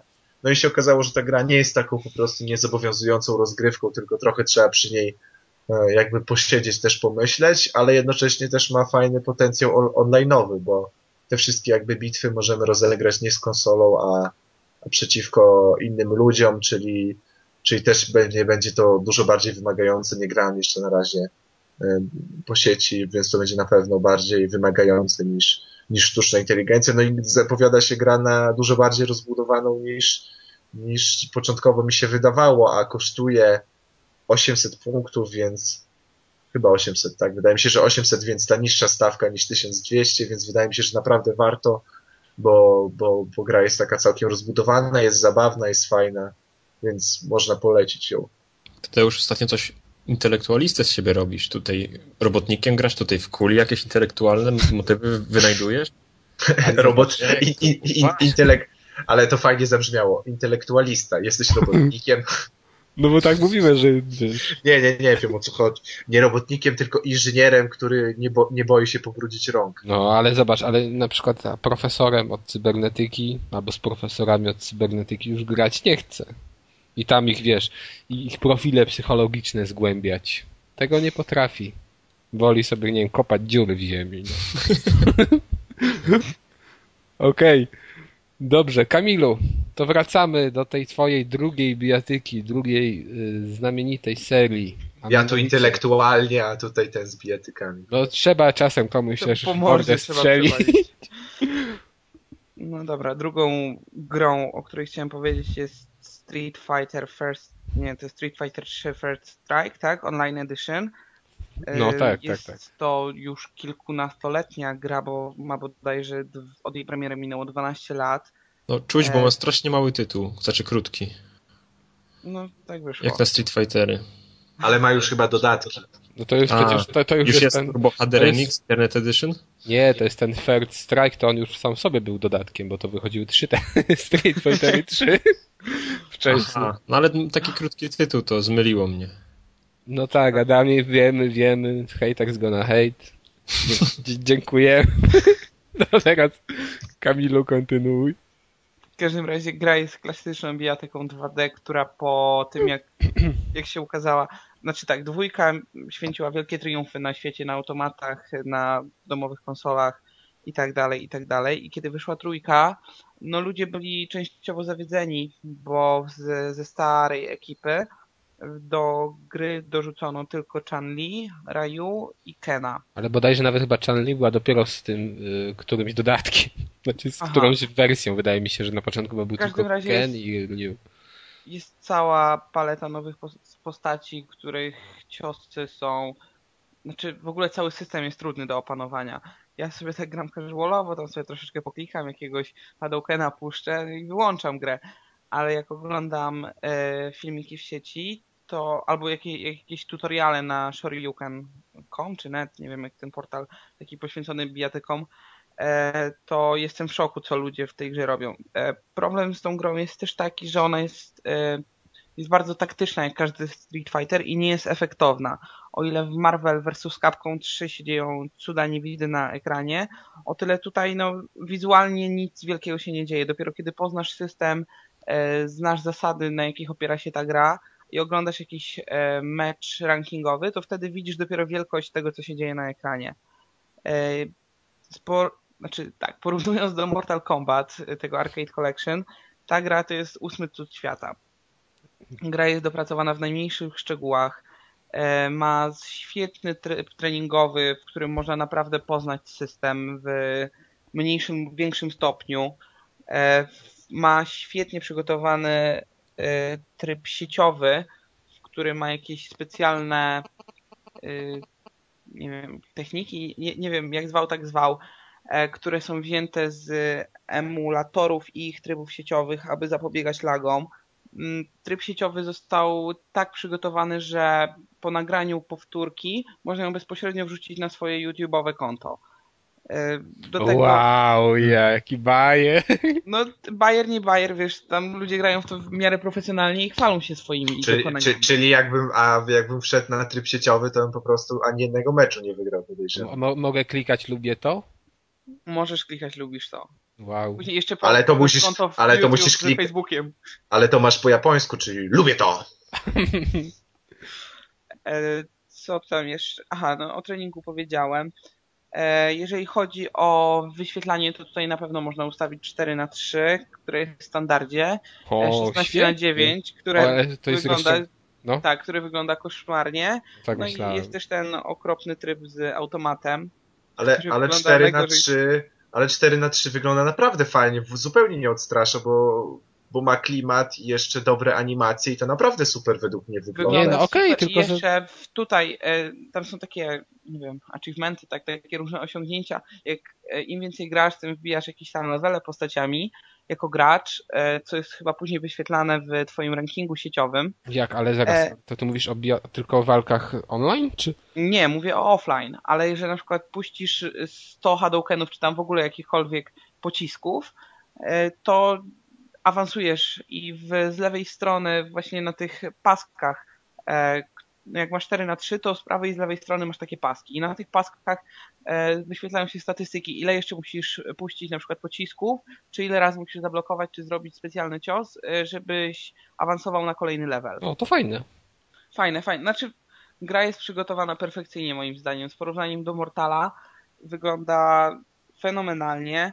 Gra się w nią super. E, no, takiemu lajkowi jak ja, to tam fajnie jest powciskać przyciski, ale jak czytam opinie profesjonalistów e, czy graczy z dużym stażem w bijatyki, no to są zachwyceni. Gra odstrasza tylko właśnie tą nieprzystępnością, bo system jest trudny, trzeba dużo godzin spędzić, żeby poznać e, techniki i żeby mieć w ogóle jakiekolwiek szanse w meczach sieciowych. No jeszcze grafika, tak, bo ta pikseloza jest jednak widoczna według mnie. Znaczy, ja mam mały telewizor, bo ja mam 22 cale bodajże, Także u mnie to jakoś tak wyjątkowo nie odstrasza. Nie no wiem, i... jak to się prezentuje na mhm. większych telewizorach. U mnie wygląda w porządku, no ja nie narzekam. No w każdym Animacja razie... jest fantastyczna. No w każdym razie ja na przykład e, grałem w trójkę i nigdy jakoś do niej za bardzo sentymentu nie miałem, ale nie, dla, nie dlatego, że ona ma jakieś te walki złe czy coś, ja zresztą nie ogarniam dobrze, dobrze tego systemu, bo za, za krótko grałem, e, ale no po prostu tam jest e, tak jak Kamil mówił na początku, bardzo niewielka liczba z tych e, znanych postaci. Dużo jest jakichś dziwadeł. Nawet nie pamiętam, jak one się nazywają, ale ale Hugo. No jest y tego dużo i, i każdy ma jakiś indywidualny styl walki, który trzeba ale poznać. Wiesz, to, to, jest, to, jest, to jest właśnie e, ta rzecz, która zabiła tę grę. To, że ale ona z drugiej jest strony, popularna to, dzisiaj. Ale z drugiej strony to wydaje mi się, że było całkiem fajne posunięcie, bo zmieni- tak naprawdę gracze dostali wtedy nową grę. No nową. A jeżeli no... by tylko usprawniali dwójkę, tak jak się dzieje w przypadku większości bijatych, no to, to co to za nowość? Znaczy ja nie wiem, co to za nowość, tylko mówię, że dla mnie to, to mnie tak odstraszyło. E, no w każdym razie też czytałem właśnie opinię, że Street Fighter 3 jest najlepszą częścią serii, jeżeli chodzi o system walki, że on jest właśnie najbardziej jakby skomplikowany i najbardziej złożony i, i no i po prostu najfajniejszy, tak? I jest to, co mówiliście, że ma świetną animację, jak na tamte lata, kiedy to wychodziło, to to genialne jest, na pewno ona najlepsza animacja. super, ale czytałem gdzieś, że ona w tej edycji na PS3 i na Xboxa została mimo wszystko jeszcze trochę podrasowana. Aha. No to jeszcze lepiej. No i też trzeba powiedzieć, że te postacie są takie troszkę jakby starsze, bo, bo, ta, bo chronologicznie ona się rozgrywa później niż dwójka i one, ten na przykład Rio jest taki, widać, że pod, podstarzały. Już może, może nie, ale z cztery dychy na karku ma. E, no co, to poleca, polecamy. Polecamy, ale jeżeli oczekujecie takiej gry fajnej na, posiad na ze znajomymi, to nie polecamy. To jest gra, przy której trzeba usiąść i powalczyć nad systemem, powalczyć z systemem, jeżeli chcecie dojść do jakiegoś fajnego poziomu. Jeżeli się nie lubicie babrać w bijatykach i nie wiążecie, znaczy traktujecie ją jako odskocznie, to zdecydowanie pograjcie w, nie wiem, w Arcana Hearts albo w Marvel vs. Capcom, chociażby dwójkę, która też jest dostępna w PSN z trybem sieciowym. Okej. Okay. Deuszu, miałeś ostatnio okazję sprawdzić nowy cud techniki. Albo nawet nie, bo to chyba nawet nie jest nowy cud techniki, tylko jakaś usługa, nowa usługa. Jak to się nazywało? OnLive. Co to jest? No. OnLive, czyli usługa grania w chmurze. I właśnie to bez... ciekawe, powiedzmy to, bo ja na przykład tego nie wiedziałem, dopiero mnie Deusz uświadomił. Sądziłem do tej pory, że OnLive polega na tym, że trzeba mieć osobną skrzyneczkę do tego. A co się okazało, Deuszu? Nie, no on, to jest jakby e, cała usługa, a skrzyneczka to jest po prostu jakby ta firma, no firma, która udostępnia tę usługę, produkuje też skrzyneczkę, którą można podpiąć do telewizora i mieć tę usługę jakby z pominięciem komputera na ekranie telewizora, czyli jakby sprzedają taką swoją konsolkę, która oczywiście wymaga podpięcia do internetu, no bo to jest jakby granie w chmurze, ale OnLive jest również na PC-ty jako, jako jakby zwykła aplikacja, jest też również, nie wiem, czy teraz, czy w planach na tablety, czyli na iPady, e, ale, ale też na jakieś tam smartfony. Wiem, że są prace. No po prostu e, chodzi o to, że jakby usługa grania w chmurze e, jakby pomija cały techniczny aspekt naszego komputera. Czyli nieważne, ile tam mamy różnych e, rdzeniów, kart graficznych i innych procesorów i po prostu chłodzeń ciekłym tlenem i megazorda w obudowie.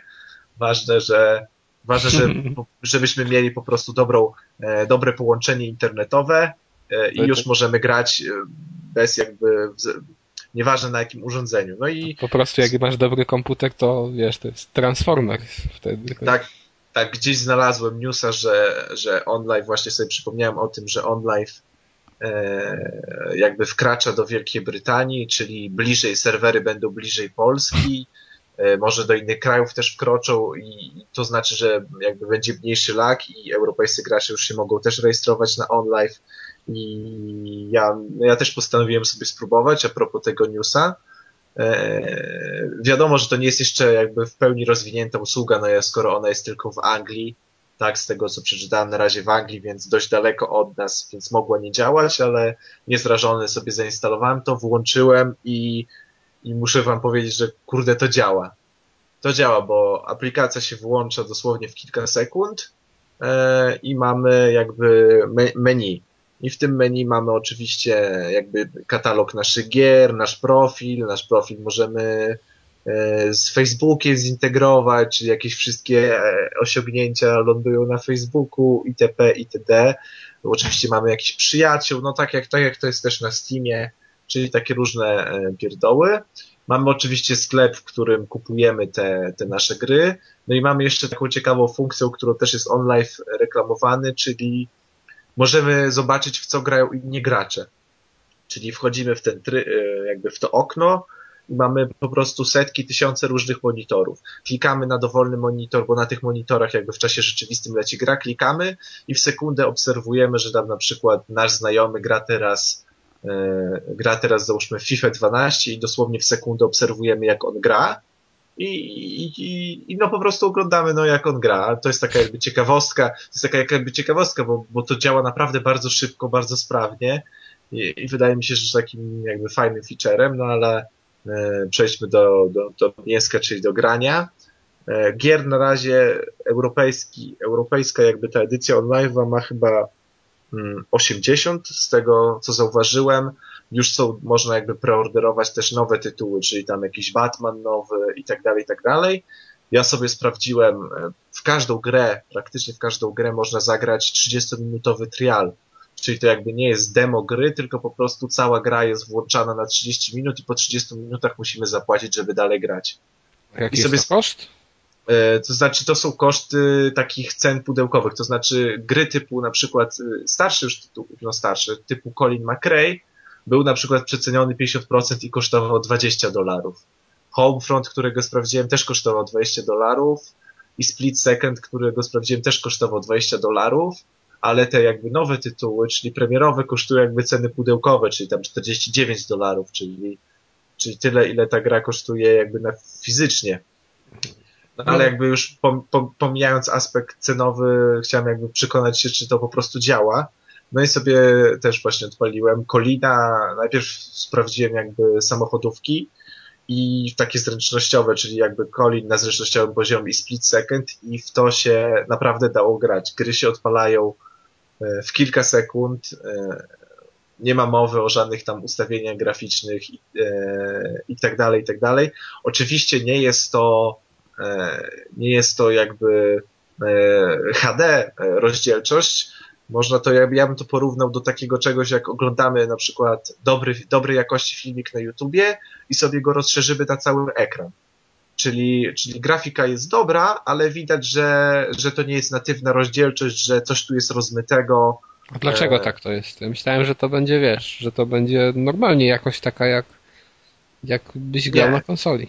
Nie, to, to nie jest tak, to nie jest taka jakość jak, e, jak jakby, no, no, no widać jakby, widać, że tu jest coś rozmytego, tu, nie wiem, czy, nie wiem na ile to jest jakby wina mojego łącza i tego, że jakby ta usługa jest nadal jakby oficjalnie niedostępna w Polsce, czyli nie ma serwerów i moje łącze, gra, OnLive sam ostrzega, żeby podłączyć kabel, a nie grać po Wi-Fi, a ja gram po Wi-Fi, mam łącze 8 megabajtów, Nie wiem, jak to jest właśnie, na, na ile to jest wina łącza i serwerów, czy to jest, czy ten jakość obrazu jest lepsza, jeśli się ma lepsze łącze, nie wiem. Grafika na pewno nie kuje w oczy, można grać spokojnie, to, to naprawdę całkiem, całkiem fajnie wygląda.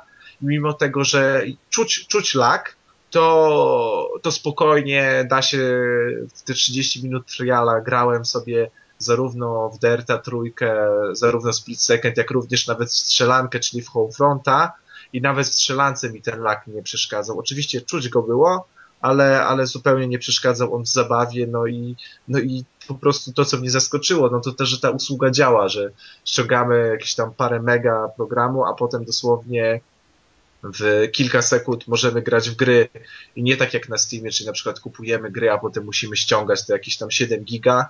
Tutaj po prostu wszystko działa w 10 sekund można włączyć, sprawdzić, zagrać, wyłączyć, nie obciążać komputera. No, no naprawdę zrobiło to na mnie e, spore wrażenie i wydaje mi się, że, że będzie jakby położony nakład w tą technologię, w te granie w chmurze, tak przynajmniej tak przynajmniej mi się wydaje, bo to naprawdę jak na jakby raczkującą usługę, to, to zapowiada się tak naprawdę fajnie. No, już pomijam ten aspekt cenowy, bo te ceny no, są takie jak za fizyczne tytuły, ale zobaczymy, co z tym dalej będzie. Jak ktoś chce, to też przecież może sprawdzić, bo, bo to też jakby nic nie kosztuje. Okej. No, czyli taka fajna sprawa, no. Ja trochę się obawiam, bo to wyeliminuje zupełnie, wiesz, pudełka. To Nie, jedna no tak. kwestia. A druga, że no, rynek y, nie, nie, będzie, nie, nie będzie można sprzedać już swoich gier.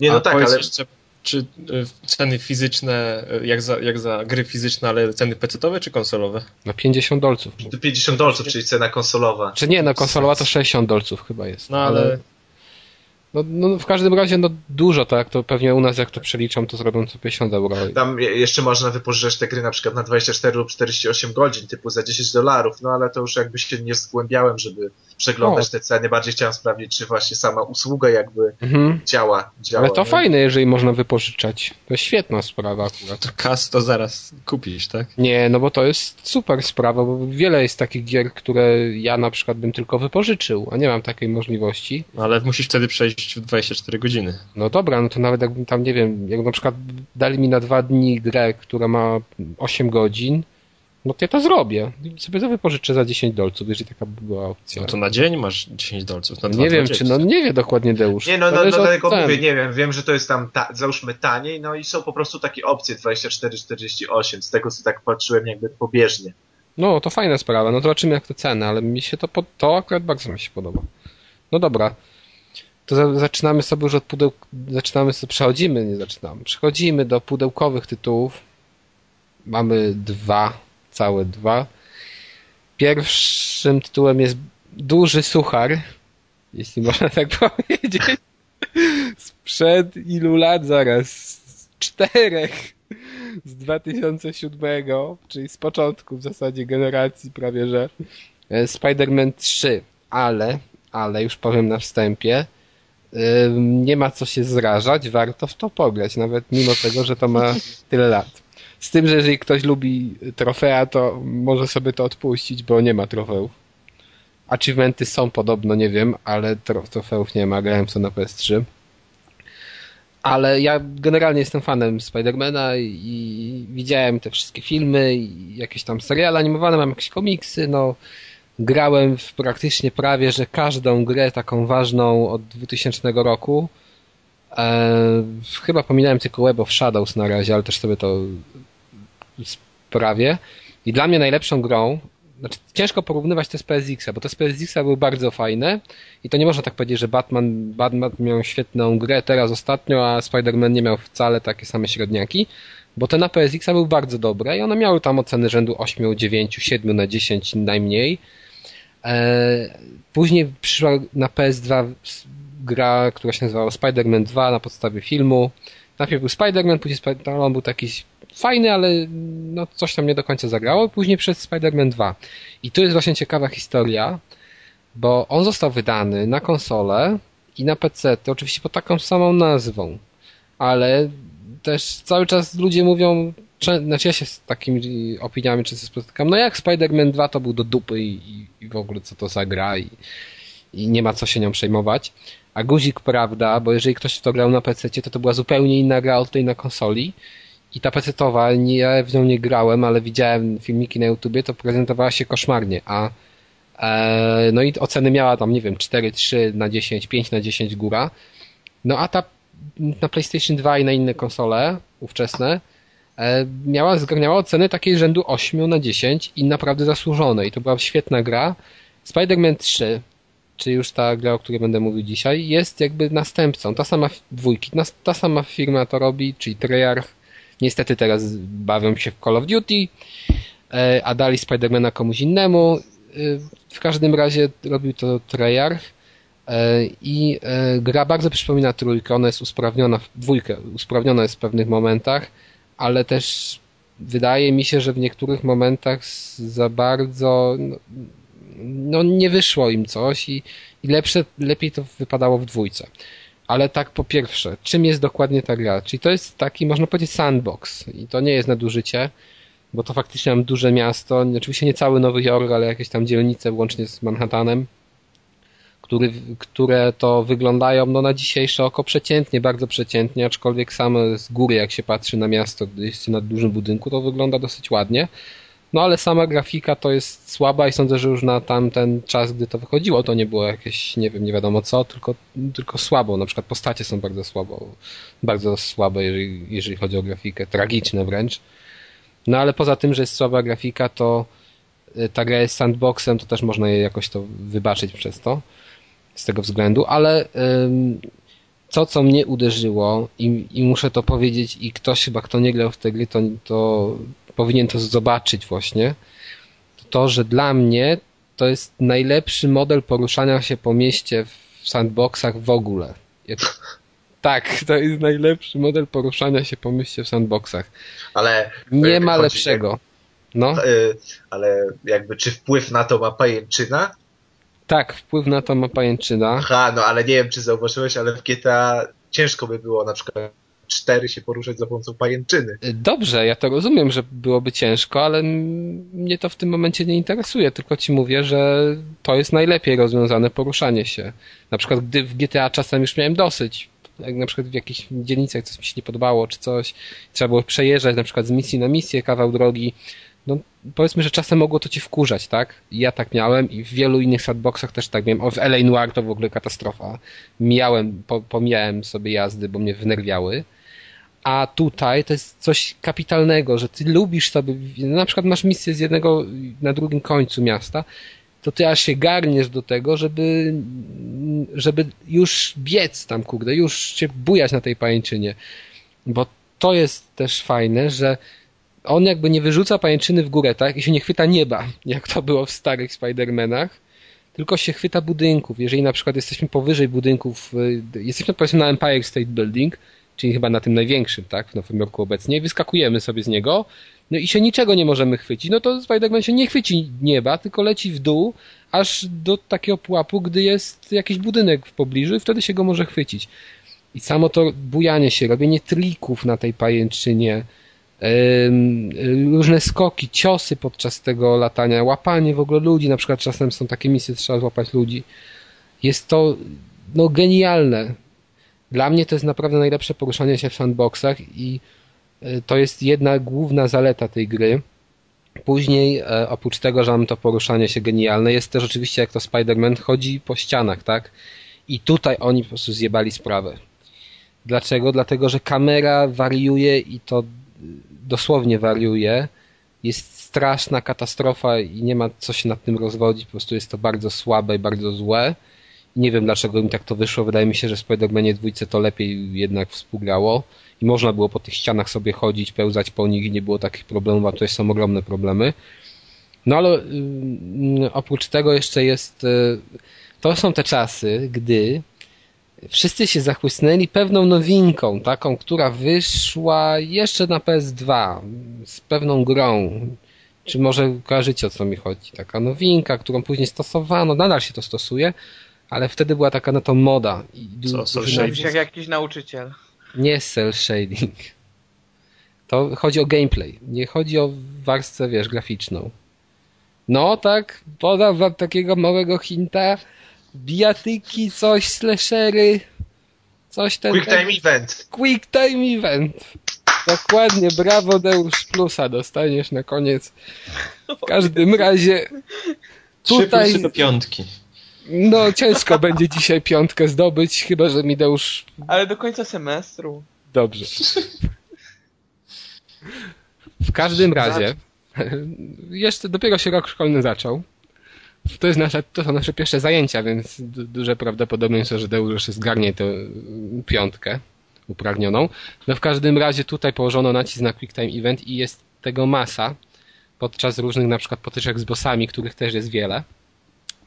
E, no ale ten Quick Time Event jest też trochę, można powiedzieć, że zjebany, bo jest... Um... A, jak ty dzisiaj przeklinasz strasznie. Tak, bo przeklinam, ale to dwa, na, dwa na razy, razy więc... Wypikasz. Więc okej. Okay. Nie, nie będzie mi się chciało wypikiwać. W każdym razie tutaj jest to za szybkie, tak, że nie mamy czasu praktycznie na podjęcie decyzji, trzeba się cofać i robić to jeszcze raz, ale jeżeli nam to nie wyjdzie, to zaraz giniemy, więc trzeba idealnie zrobić ten quick time event. Z tym, że one, jeżeli nam nie wyjdzie, to zaraz nas cofa momentalnie do tego miejsca, w którym on się powtarza, więc jeżeli zapamiętamy na pamięć i przejdziemy ten dany etap. Ta gra jest grą na podstawie tam filmu, czyli mamy fabułę filmową, troszkę, ale wzbogaconą, bo na przykład jest tu dużo więcej wrogów niż było w filmie i to jest fajne, bo są różne postacie, na przykład Lizard, tak, którego nie było w filmie, a jest tutaj w grze. I teraz oprócz tego, że mamy właśnie tego sandboxa, czyli sobie latamy z miejsca na miejsce, wchodzimy, no robimy misję, tak, czyli na przykład idziemy gdzieś do kanałów, czasem idziemy e, jakieś tam fabryk, coś tam przechodzimy i tutaj to też bardzo fajnie wygląda, mimo tego, znaczy fajnie się to prezentuje, tylko że um, pokpiono troszkę kwestię walki. Bo w dwójce było tak, że ta walka wydawała mi się, że była bardziej racjonalnie zrobiona. Tutaj to jest takie maszowanie. I tak samo walki z bossami, jest ich sporo, są maszowaniem w zasadzie tych bossów biednych, aż do pewnego momentu, w którym się odpala quick time event i generalnie te walki też są trudne. To trzeba powiedzieć, bo nie wiem, z takim Kingpinem, nie wiem czy kojarzycie tę postać. Nasz Spider-Man jest... Tak. Nie, nie kojarzycie Kingpina? No Kojarzymy. Taki no koleś, który wygląda jak miał 200 kilo, no. Boss świata przestępczego, ale człowiek normalny, nie żaden mutant czy coś w tym stylu. No i kurde, on robi dwa ciosy i Spider-Man leczy tam trzy ciosy i Spider-Man już ma zero energii. A ja jego klepię pół godziny i muszę robić według schematu. I wiem, że mnie nie trafi, jak będę robił według tego schematu, ale mi zajmie 5 minut ta walka która polega na tym, że podbiegam cios, odskakuję, wymijam jego cios i znowu podbiegam i jeden cios tylko robię. Zero kombinacji, bo inaczej on mnie dorwie. To jest no głupie. I te walki są wkurzające czasem. I są trudne i przez to ta gra jest w miarę trudna, można powiedzieć. Myślałem, że to jest, wiecie, gra na podstawie filmu, to ona nie będzie taka trudna, taka popularna postać, ona jest dosyć trudna. Ale pomijając to, to właśnie fajne są dodatkowe rzeczy, na przykład rozbrajanie bomb, co Spider-Man nigdy nie był znany z rozbrajania bomb i sam rzuca takim tekstem, że, że kurde, nie mam tu antyterrorystów, ja muszę to rozbrajać. No ale to jest też takie fajne i też trochę na quick time evencie polega, trochę na takim logicznym myśleniu, bo trzeba znaleźć jak w Deus Exie o drogę do odblokowania, czy tam zdetonowania, znaczy nie zdetonowania, tylko jak to się mówi, o Jezus, no spra sprawienia, żeby bomba nie wybuchła, tak? Jest generalnie są misje poboczne, ja wypełniłem je na 100%, mimo że nie ma trofis, czyli znaczy, że te misje poboczne mi się podobały, na przykład skaczemy sobie na samochód, bijemy zbirów, gonimy jakiś tam helikopter i chodzimy do Daily Bugle, czyli do tego miejsca, gdzie ten Peter pracuje nasz i tam dostajemy zlecenia na robienie zdjęć, czyli robimy zdjęcia, musimy się wspinać na budynki, ścigamy się na tej pajęczynie, e, jakieś robimy duże skoki zwierzowców, więc jest, jest wiele rzeczy do roboty. I dla mnie, no, pomijając niektóre aspekty mechaniczne i grafikę bardzo słabą, to jest gra nadal, którą każdy fan Spidermana powinien zagrać a każdy fan sandboxów też, żeby zobaczyć, jak wygląda najlepsze po prostu poruszanie się po mieście w grach y, wideo z, z tego gatunku. No i tyle, no ja polecam, naprawdę. A co najlepsze nie jest w. Noir, jak przytrzymujesz trójką? Historii gier wideo po prostu. To jest najlepsze poruszanie się po mieście w, w, w takim sandboxie w historii gier wideo. No niestety, Deuszu. Taka prawda. Dobra, a teraz powiedz mi, czy to jest ta sama gra, która też wyszła na PS2? Nie.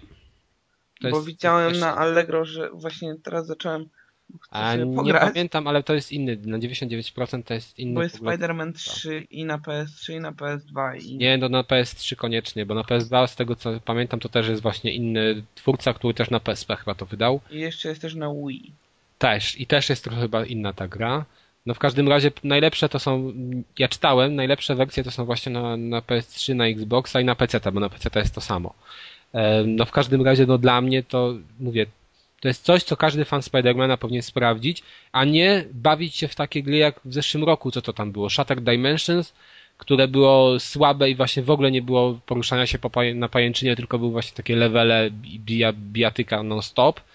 E, I w tym roku wyjdzie druga część, druga jakby rzecz z tej serii, bo ta sama firma to robi, czyli Binox i im te gry nie wychodzą. Naprawdę, to są gorsze dużo Spidermany niż ta trójka i dwójka. Czyli jeżeli chcecie Spidermana, lubicie tę postać, chcecie, lubicie sandboxy i lubicie, chcecie sprawdzić, jak się poruszać świetnie w sandboxie można, to kupujcie. Tym bardziej, że to można kupić za, nie wiem, no, bardzo tanie pieniądze. za 30 zł to wyrwałem. No ale dobrze. Słucham? Zazdroszczę, bo teraz widzę na Allegro są troszeczkę droższe, no ale no to już... No w każdym razie na pewno dorwiesz, bo to wiesz, ja, ja licytowałem się 30 zł i też miałem kolekcjonerkę w tym, więc... Wow. No, jest taką fajnym, z taką fajną kartą, taką wiesz, ale 3D, nie, że patrzysz, że się zmienia, no. Po dzisiejszej recenzji to skoczą do stówy te ceny, więc uważaj. No, no. mam nadzieję, Żeby tylko. Znaczy, już skoczyły na Allegro, chciałem zauważyć. Ty jesteś jak te, ty, jest, ty jesteś jak te agencje ratingowe, że wszystkie spółki akcyjne ciebie słuchają. Dokładnie, już widzisz, nie, i sprzedawcy na Allegro też. Hmm. Już podwyższyli, no nie, ale to serio, nie będę już więcej zanudzał, ale naprawdę, jeżeli ktoś jest fanem Spidermana, to koniecznie, no koniecznie musi to sprawdzić. Dobra. Eee, gwóźdź programu. Czyli Adamie, dzisiaj ty siedzisz praktycznie cicho, nie wiem dlaczego. Chory jesteś. Smutny jestem i w ogóle. Smutny. Umieram. Jesień się zbliża. Więc może trochę cię rozweseli ten temat, o którym teraz będziemy mówić. Czyli Deus Ex Human Revolution, czyli po polsku Bunt Ludzkości. Adamie, mi się angielskiej wersji. Bunt Ludzkości, bardzo dobre tłumaczenie. W ogóle tłumaczenie jest świetne. Tłumaczenie jest rewelacyjne. No, ale Adamie, zaczynamy od ciebie, bo to ty tak byłeś tą grą, jakby takiej pragnąłeś, że nie mogłeś wytrzymać. Nawet ale na Gamescomie parę Warto było? Biegłeś. Warto było, Adam. No widzisz, więc słuchaj się mnie. A zac zaczynamy od wad czy od zalet? Bo ja bym zaczął od wad. No to może... Zrad, nie ma żadnych wad. jak nie? Jak nie ma, jak sam mówiłeś, że są? Dobra, niech hejterzy zaczynają. Później się ich zjedzie. Nie uwagę. Niech hejterzy zaczynają Adamie. No to niech się hejtują, no to ja mogę rzucić pierwszy kamień. Walki z bossami są do dupy i nie... ja mam pytanie, gdzie byli designerzy, jak oni to składali tą grę. Szkoda, że to Przecież- nie Japońcy, to by sepuku już popełnili.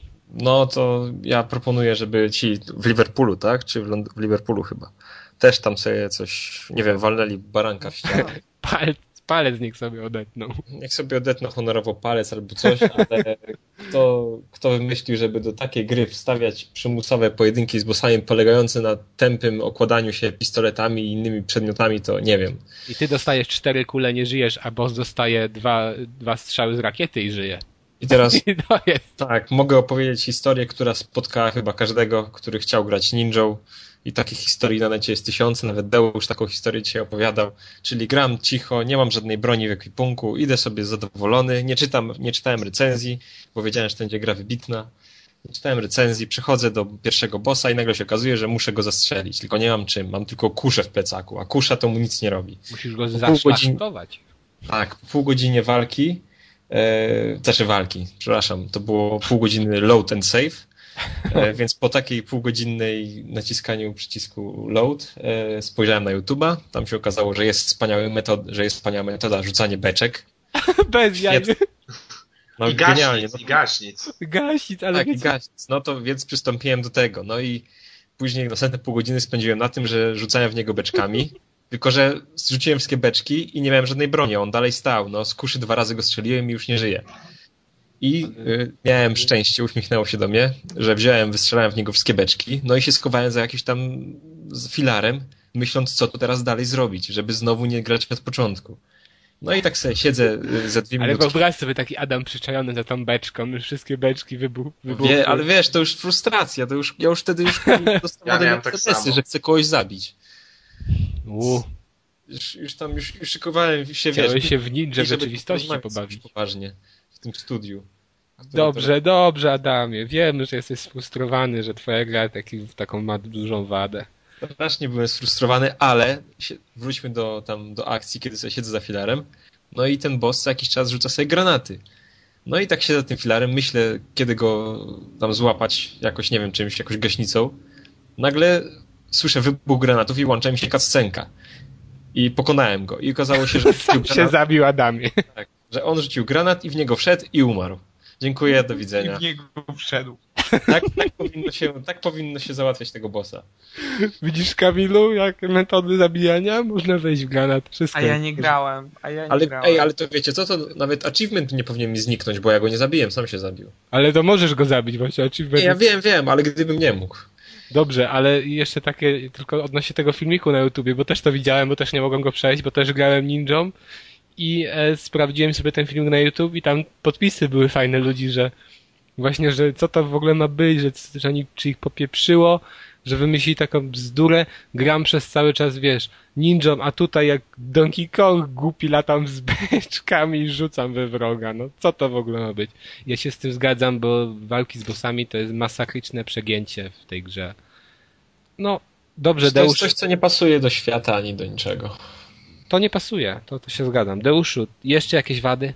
Albo nie, no może, może powiedzmy sobie na początek, bo może nie wszyscy też wiedzą, ja na przykład nie grałem wcześniej w Deus Exy, więc A, no to Deus Ex to jest kontynuacja gry, pierwszy, e, trzecia część w zasadzie. tak, ale to E, jest prequel. ale, ale jeżeli chodzi o umiejscowienie akcji i fabuły, to jest prequel. E, Pierwsza gra Deus Ex to wyszła w 2000 roku, jeszcze na engine Quake'a 2. Nie wiem, czy pamiętacie taką grę w ogóle. E, Pamiętam, że było, ale nigdy w to nie grałem. Tylko I, tyle. i była, była grą genialną i zgarniała genialne oceny. Później po czterech latach bodajże, w 2004 wyszła druga część, na którą też było bardzo dużo ludzi czekało, czyli Deus Ex Invisible War, która okazała się już mniej genialną i w ogóle pierwsza część, znaczy nie pierwsza część, ale tam pierwsza pierwsze tłoczenie, pierwsza partia gier, które trafiły w Stanach na półki była, była okropnie zabagowana i od razu wyszedł patch 1.05 i było z tym, w związku z tym dużo krzyków i szczerze mówiąc ja tej drugiej części nigdy nie skończyłem. No i teraz wyszła trzecia część i jest genialna. Po raz, po raz kolejny. Nie jest powiązana fabularnie praktycznie w ogóle z Nie, nie jest powiązana, ale druga część, z tego co pamiętam, też nie była powiązana. Poza tym, że, że działa się tam gdzieś mniej więcej w tym samym czasie. Mhm. I czym to jest? Ale nie dam sobie głowy uciąć. I czym to jest, powiedzmy sobie, tak? To jest... Um, Deus Ex jest FPS-em. FPP, no, niech będzie. można tak pomyśleć, jak się czasem zobaczy screeny na szybko, Nie no, jest, y, jeżeli ktoś grał w pierwszego Deus Exa, to FPS. czy w drugiego w sumie, no, albo czy w drugiego to żadna różnica, no to jest, mechanika się nie zmieniła ani trochę, czyli sterujemy postacią w, z pierwszej, z pierwszej, y, z perspektywy pierwszej osoby, a cechą tej gry jest to, że mamy wiele, bardzo dużo ścieżek y, Ale nie, no do, to- do osiągnięcia celu. Co? Nie, nie, bo chciałem powiedzieć, że to określ, bo to wiadomo, że on ma tam, wiesz, widok, ale czym to jest? Co to jest w ogóle za Co- co to gatunek? jest? Nie wiem, jak To to RPG. RPG. To jest RPG właśnie. Ja wiem, RPG że to połączony, RPG to jest RPG połączony ze skradanką. Nie, to jest, tak, to jest takie, wiesz, to jest maksymalne z, zmieszanie kilku gatunków. No, już jedynka też nie można powiedzieć, że było RPG. Ja się nie zgadzam, że to jest RPG. No taką. to jest RPG pomieszany ze skradanką. no i z znaczy, FPS-em zresztą to nie No z FPS-em tak, w zależności od tego jak ty grasz, możesz z tego zrobić FPS-a. No właśnie, no, więc to nie, ja bym tego tak nie szufladkował od tako. A, no i oczywiście to jest Cyberpunk. Akcja się dzieje w roku 2000, którym? 20 Ojej, którymś. 20, nie, albo, no jakoś Siódmy. tak. Wiem, że niedaleka No przyszła. niech będzie. I, i, I jak się okazuje, y, z, w świecie gry już teraz, w naszym roku, w którym żyjemy, czyli 2011, nawet wcześniej, już, już były wynalezione pierwsze kroki ku, ku nie wiem, wzbogacaniu ludzko, ludzkości w e, jakieś tam mechaniczne implanty. Implanty Drutowanie. w mózgu i tego, różne, tego typu różne rzeczy. Ja, ja gram po angielsku, więc nie wiem, jakie tam są polskie terminy używane. Bo tu jest używane po angielsku augmented, tak, czyli rozszerzenie, No. a po polsku jest, um, Jezu, Deusz, dru, drutowanie. Tak, drutowanie. Druto, drutowanie, to jest w ogóle, wiesz, to tak debilnie brzmi, jak tak na, na sucho to słyszysz, ale, Ale, ma sens. to ma Tłumaczenie sens. jest fajnie zrobione. Jest to świetne później, to się do tego tak przyzwyczaiłem, że mi to bardziej pasowało. A, a, a propos tłumaczenia, to w ogóle to tłumaczenie jest bardzo fajnie zrobione, no bo to jest cyberpunk, więc e, mamy jakby dużo takich wstawek, mm, no można powiedzieć technicznych, czyli jakieś coś tam cybernetyczny wszczep w neurony i takich jakby nazw różnych specjalistycznych, Mhm. a mimo wszystko tu jest tłumaczenie sobie, tłumacz sobie poradzili, bo to jakby nie brzmi głupio po prostu. Tak. To brzmi logicznie i tak bardzo przekonująco i, i naprawdę jest to fajnie wszystko przetłumaczone. Widać, że, że to jakby było w świecie gry, że ktoś, kto tłumaczył, jakby czuł klimat tego, e, tej gry, tego jak to ma wyglądać. Tego cyberpunka w ogóle. No tak, To tak. jest, to jest fajne. Na przykład ten jakiś taki baton energetyczny, Się nazywa Cyberblast. Cyberplasta chyba, czy cyberblast, Cyberplasta, no. no, ale to wiesz, genialnie brzmi. No w każdym razie to jak Adam powiedział, że to jest właśnie no taki miks, tak, gatunkowy. Ale to, co ty zacząłeś mówić, a ja ci przerwałem może bez sensu. Chodzi ci o tą wolność Tak, właśnie, kreu- to jest najważniejsze. w kreowaniu świata? No tak, no, ta gra będzie tym, czym, czym my chcemy, żeby była. Czyli może być skradanką, może być, może być shooterem, a może być nie Nieprawda. wiem, połączeniem tego wszystkiego. Tak, prawda. Ja może być z shooterem, tylko to nie będzie shooter ala, nie wiem co tam, Gears of War. Ale, ale Bo no mimo właśnie, wszystko, bo, bo to jest gra oldschoolowa. Ona nie prowadzi cię za rączkę, ona ci nie daje prostych rozwiązań i nie, nie, nie, nie wiem, nie traktuje cię jak debila.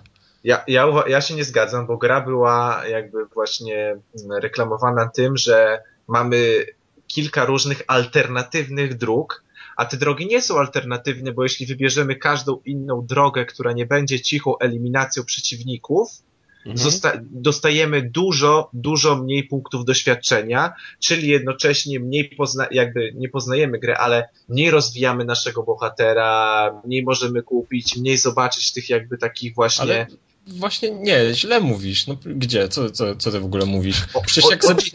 Poczekaj, jak.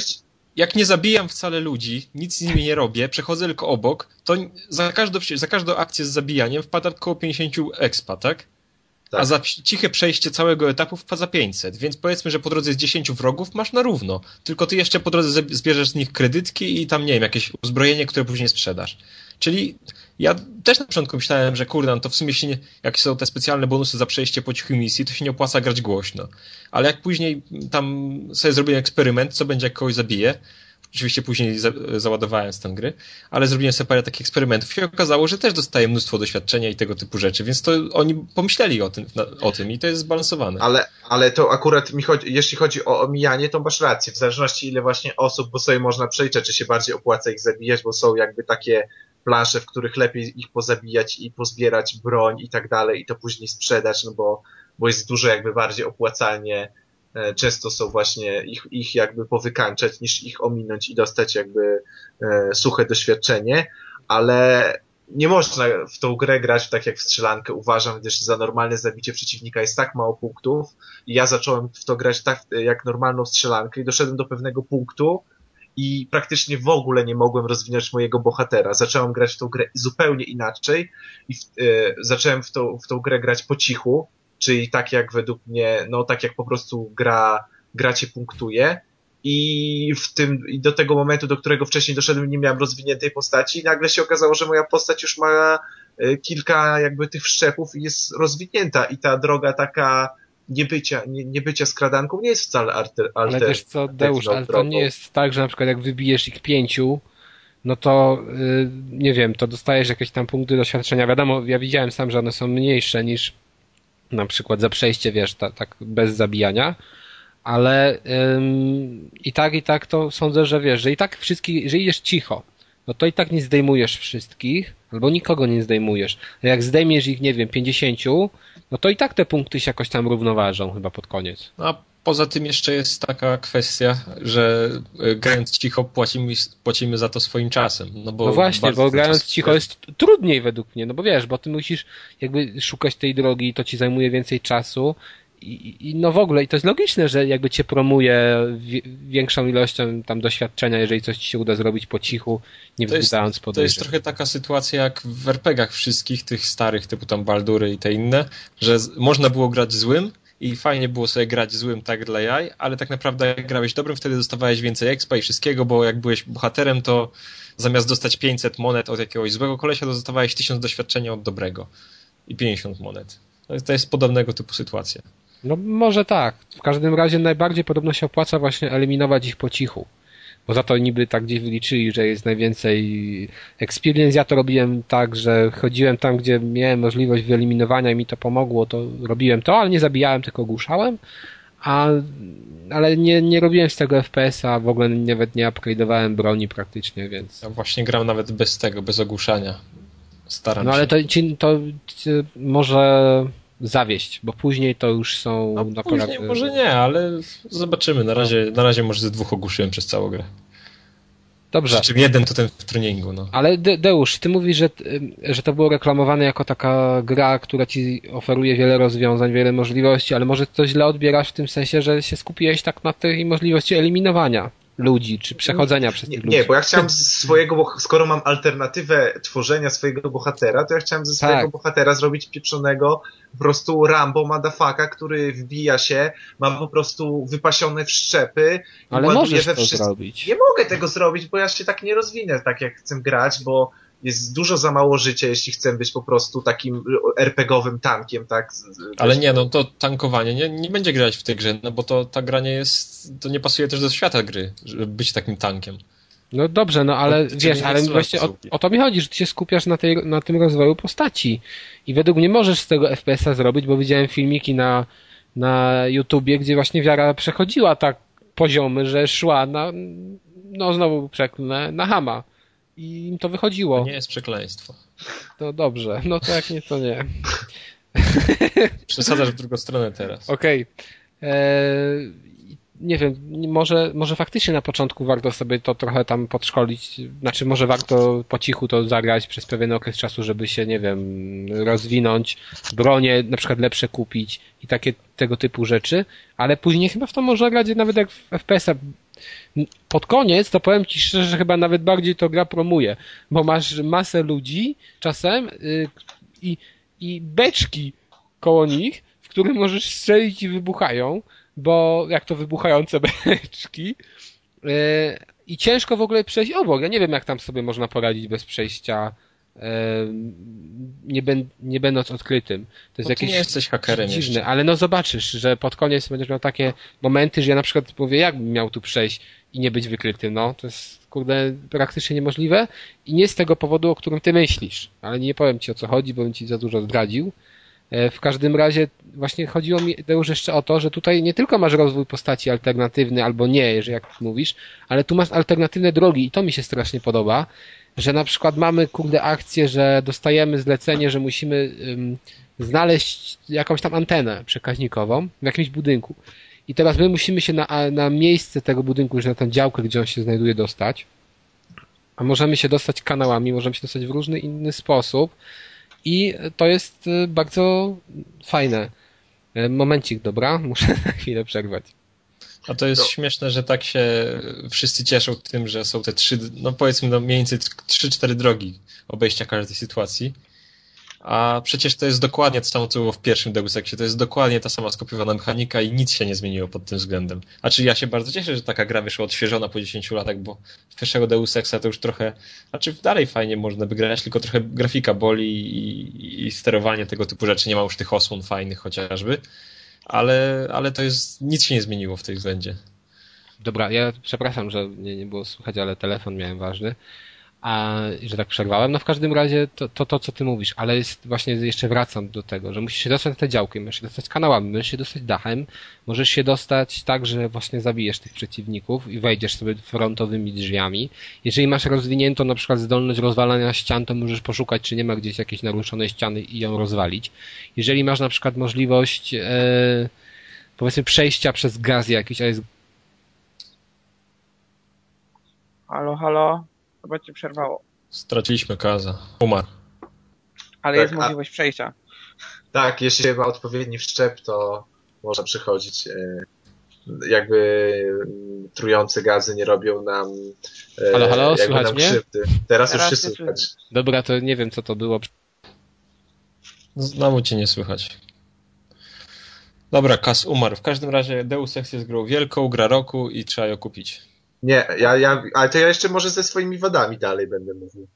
Oj, tam będziesz marudził niepotrzebnie. E, nie, nie, nie, nie, bardzo dobrze, jest, czekamy. Nie, nie, spodobał, e, jakby nie spodobała mi się e, taka trochę niespójność świata, czyli po pierwsze, e, na początku gry widzimy jakby z okna wieżowca... Bez, bez spoilerów, bez spoilerów. No dobrze, ale to, że widzimy potężne cyberpunkowe miasto, to chyba mogę powiedzieć, prawda? A, nie, dobra, nie, tylko mówię, żebyś się nie rozwinął za bardzo. Nie, nie, nie, widzimy potężne cyberpunkowe miasto, a wychodzimy na ulicę i to jest nagle się okazuje, że to jest pięć ulic na krzyż, jak się spojrzymy w górę, to, to to są takie zwykłe bloki i w ogóle to nie robi jakiejkolwiek skali, jakiegokolwiek wrażenia na mnie. A po drugie, jeśli chodzi mi o tą niespójność, to tak, wszędzie po całym świecie gry rozrzucone są po prostu czyściutkie, idealne kartony. Nieważne, czy to jest laboratorium, czy to jest sklep, czy to jest dworzec, czy to są slumsy, czy to jest melina przestępcza. Wszędzie są kartony. Nawet w, nawet w kuchni u głównego bohatera leży karton, i wszystkie kartony są takie same. Ale słuchaj, jak masz mieszkanie, no, nie masz strychu, nie masz piwnicy, no to musisz w czymś trzymać różne Ale rzeczy. w slumsach niebrudne kartony? Takie Aha, idealnie czyste porozrzucane. Ojej, no ale to, to jest już czepianie się, no wiesz. To jest laboratorium, się, no. super ale... rozwinięte laboratorium i na środku leży pięć kartonów takich. No dobra, no. No i co, przywieźli nowy sprzęt? Nie, to, to już bez nie, sensu no, czekanie jeszcze. Nie, no strasznie, strasznie mnie to irytowało. Irytowało mnie to, irytowały mnie te szyby, które są beznadziejnie też pozastawiane kartonami po prostu, nie wiedzieć czemu nagle przy podłodze mamy szyb zastawiony kartonem, jeśli karton leży przy ścianie, to jest 50% szans, że za tym kartonem będzie szyb. Mamy super rozwinięte, rozwiniętą technologię, ale już kamery, ale już kamery to mamy zwykłe kamery przemysłowe o kącie widzenia 60 stopni, rodem ze starych Splinter Cellów, bo jakby nowoczesnych jakby, że tak powiem, no, nowoczesnych jakichś systemów ochrony już nie ma. Kamery mamy stare, fotokomórki mamy stare. E, my jesteśmy przypakowanym bohaterem, który ma super wszczepy, może sobie wszczepiać, ale durnej mapy magazynu nie możemy już dostać, robiąc misję i już mapy nie mamy i sami musimy jakby... jak mapy nie Jak nie? Przecież mamy mapy zawsze. No ale jak masz miejscowy, to nie masz mapy, tylko masz, masz. tyle, jak włączysz mapę, to, to jakby no. masz miejsce, gdzie już, które już odwiedziłeś, masz zaznaczone nie. na mapie. Nie, no przecież całe wszystko. całe wszystko. No odpal sobie miasto, jak wychodzisz na początku no. i sobie odpalisz no. miasto, to nie masz mapy miasta. Deusz, jak jest masz? odpalone całe, tylko dzielnice poszczególne są. Jeżeli wchodzisz do drugiej dzielnicy, wtedy ci się ładuje mapa drugiej dzielnicy. Nie, to nawet nie dzielni dzielnicy, jeżeli chodzi o to drugie miasto, ale w pierwszym mieście nawet nie ma dzielnic. W pierwszym Pierwszy, mieście tak, tak, w do pierwszym budynków, jest jak tam wchodzisz, to masz jakby trochę inną mapę. Czy tam na właśnie na takie jakieś osiedle duże. No ja włączałem, to nie miałem, naprawdę. To już- To chyba przez tego Xboxa, Bo że grałeś na Xboxie. Nie kupujcie wersji na Xboxa, bo nie ma takiego, tam, nie zawsze mapa tam za mało miejsca na płycie było, nie starczyło na mapy. Ta- ale, to, ale naprawdę zawsze, w każdym momencie masz mapę. No, tam jest Intel pełen, i tylko nie ma znaczone, gdzie są zakładnicy na przykład. Czasem, ale no tak.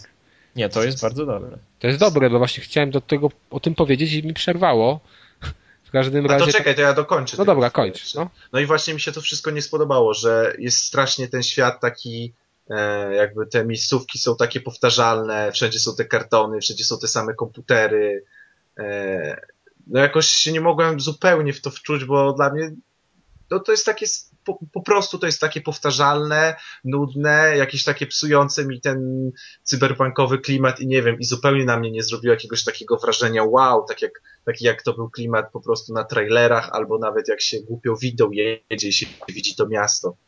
Ale Przecież na trailerach tego. pokazywali dokładnie to samo. Było wiadomo od początku, jak ta grafika będzie wyglądać. Ja to, Właśnie to nie... się, ja się, ja się zdziwiłem. To, znaczy, Znaczy pozytywnie nawet, no. Ona nie jest tak fatalna, jak myślałem, że będzie. Dobra, ja proponuję powiedzieć, że to jest gra roku i i nie ma co więcej A nie, a to, ale, to jeszcze, ale nie, nie, nie, to ja jeszcze mam kolejne wady. No weź, ale Dobrze, mówił- dobrze. Zobacz, Teraz ale będziesz się teraz jakichś głupich kartonach Główny- i co tam jeszcze, a za Ka Kamilu, na kogo stawiasz? Ja stawiam na Deusza, bo ja się tą grą w ogóle nie jaram. Ale główny bohater, główny bohater jest po prostu tak beznadziejny, jest po prostu tak irytujący, tak mnie nie obchodzą jego losy, ma tak denerwujący głos, A to też tak miałem przez pierwszy fragment gry, ale później się przyzwyczaiłem i się... że po prostu nienawidzę nim grać. Ja nie chcę nim jakby przejść tej Jak, ale gry. co ci się w nim nie podoba? Ej, dobra, nie, Głos, ja czuję... zachowanie. Ale, ale w Deusz, znaczy no pomijając tutaj to, że po prostu nie lubi głównego bohatera, tak, no bo to jest już inna sprawa, pokazał przynajmniej jakieś minusy, o których większość recenzji w ogóle milczy, bo nie zwracają na to uwagi. A i po prostu uważają, że ta gra jest super ekstra i jest idealna. No, ona A nie jest idealna. Nie mówiąc, Ale nie mówiąc, większość recenzentów daje jej 10 na 10 i są szczęśliwi. No, Ale no, to są wady typu, tego typu, jakbyś grał w Pokémony i nie zauważał tego całego, nie wiem, świata, tego wszystkiego, że tam kreujesz sobie, trenujesz te Pokémony i zajebiście się w to gra, tylko mówił, o kurde, jest małe drzewko, nie mogę przez nie przeskoczyć. Beznadziejna jest ta gra w ogóle do dupy i... Ale nie, no możesz się bohaterem. nie, ale nie możesz przejść koło niego.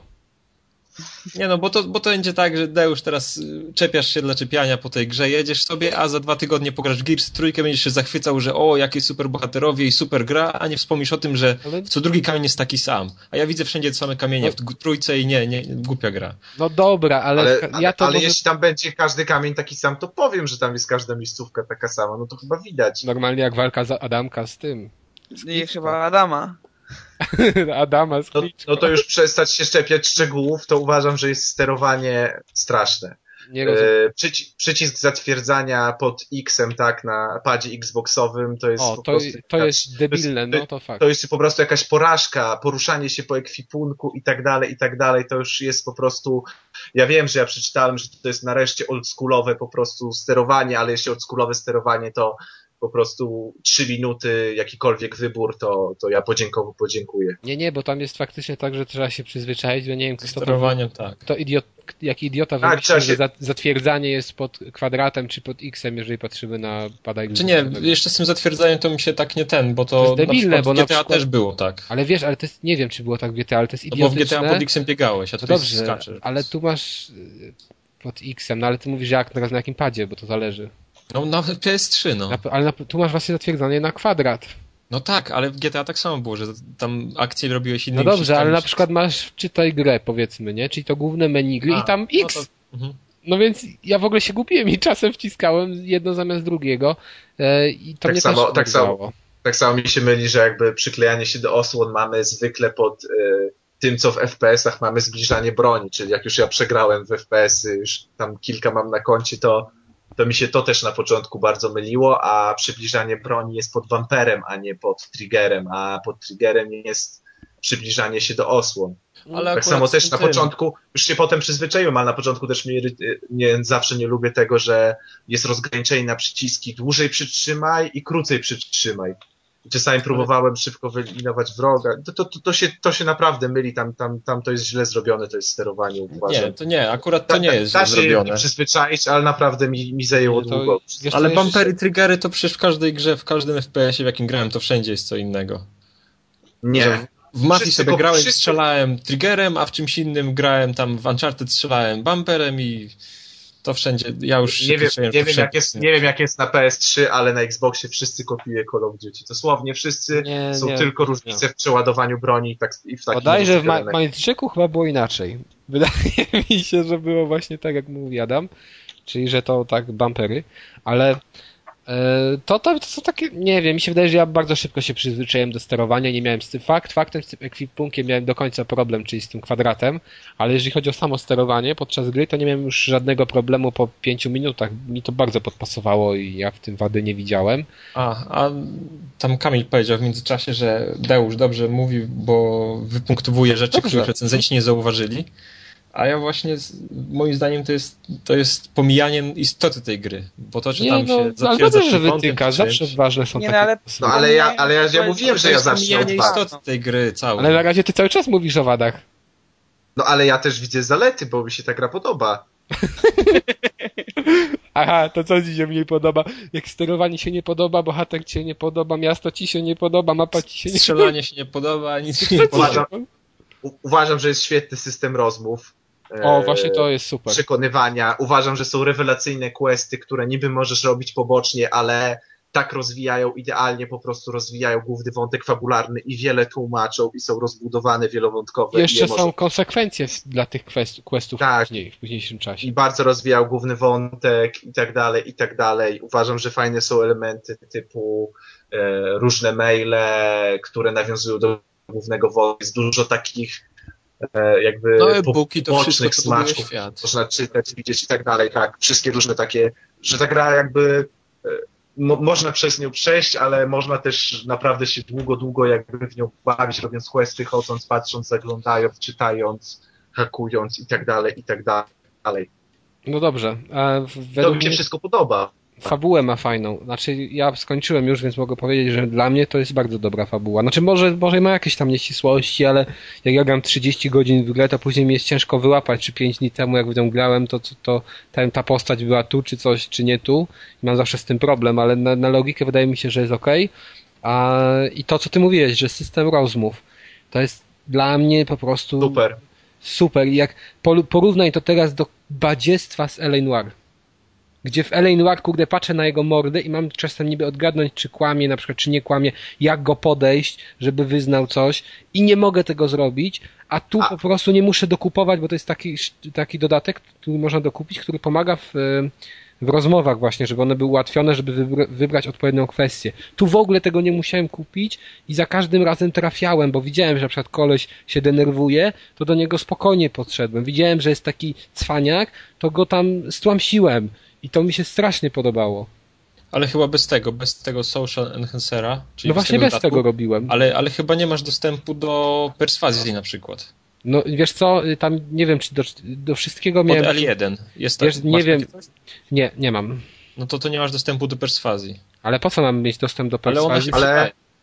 No to bo- może się ale przydaje, wiesz, że ale ja bez tego rozmowy potrafię... możesz przegadać kolesia, a niektóre musisz mieć perswazję. Nie, nie, właśnie o to Nie, chodzi, że ja nie, nie wszystkie, nie musisz mieć, bo ja Nie robię wszystkie achievementy, jeśli chodzi jakby o No właśnie. przekonanie ich do nie, czegoś, ale, czyli Nie, ja rozumiem, ale mi chodzi w tych, nie, nie, nie w tych głównych rozmowach, które są długie i w ogóle, tylko w pobocznych. Czasem da się użyć też perswazji, bo koleś mówi nie i nie i wtedy ty bierzesz perswazję i okej, nie ma sprawy. No ale zamiast co tam, płacić na ale przykład.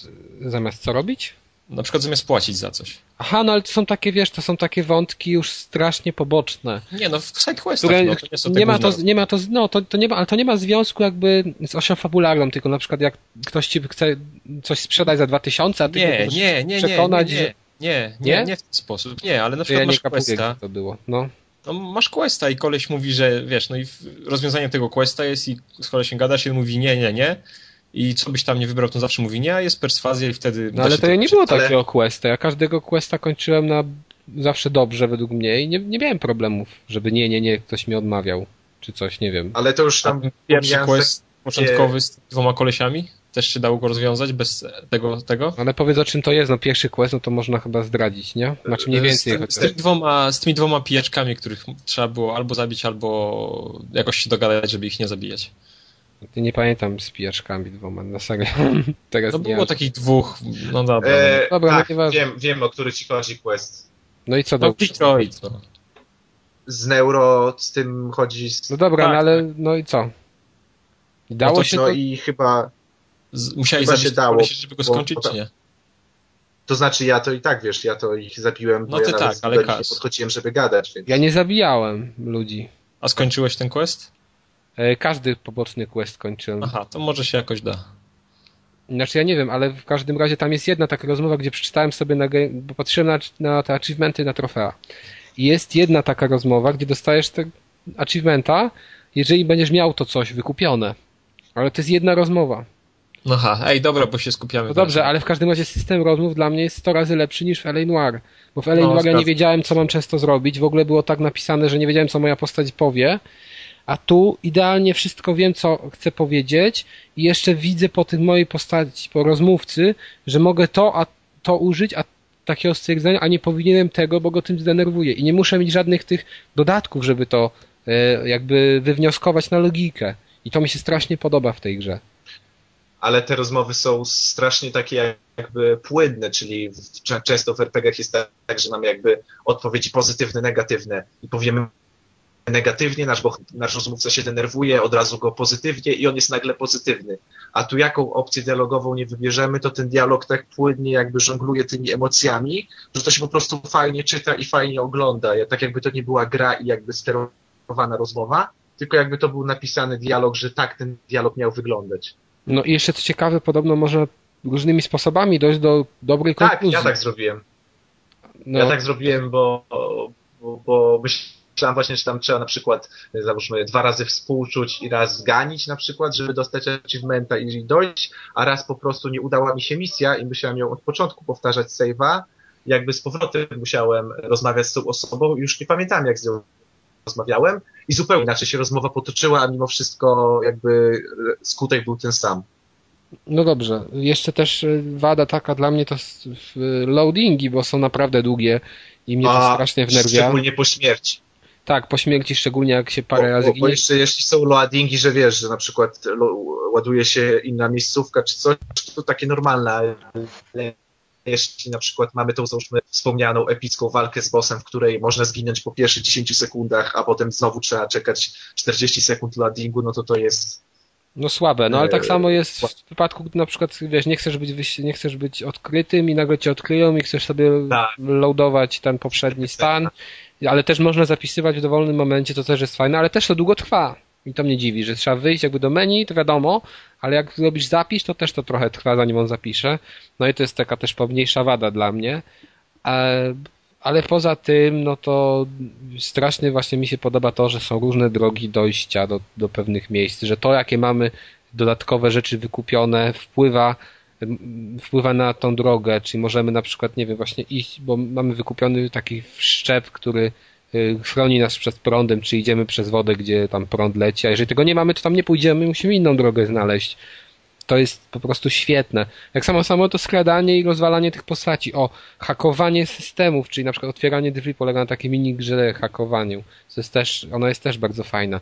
Można przejmować roboty i różne wieżyczki wrogów i skierować te roboty, wieżyczki za pomocą właśnie hakowania na, na wrogów. Czyli na przykład robot, który nas strzelał, za chwilę może strzelać tych naszych przeciwników. I to jest, y, no, wszystko świetne. No, dla mnie to jest bardzo dobra gra.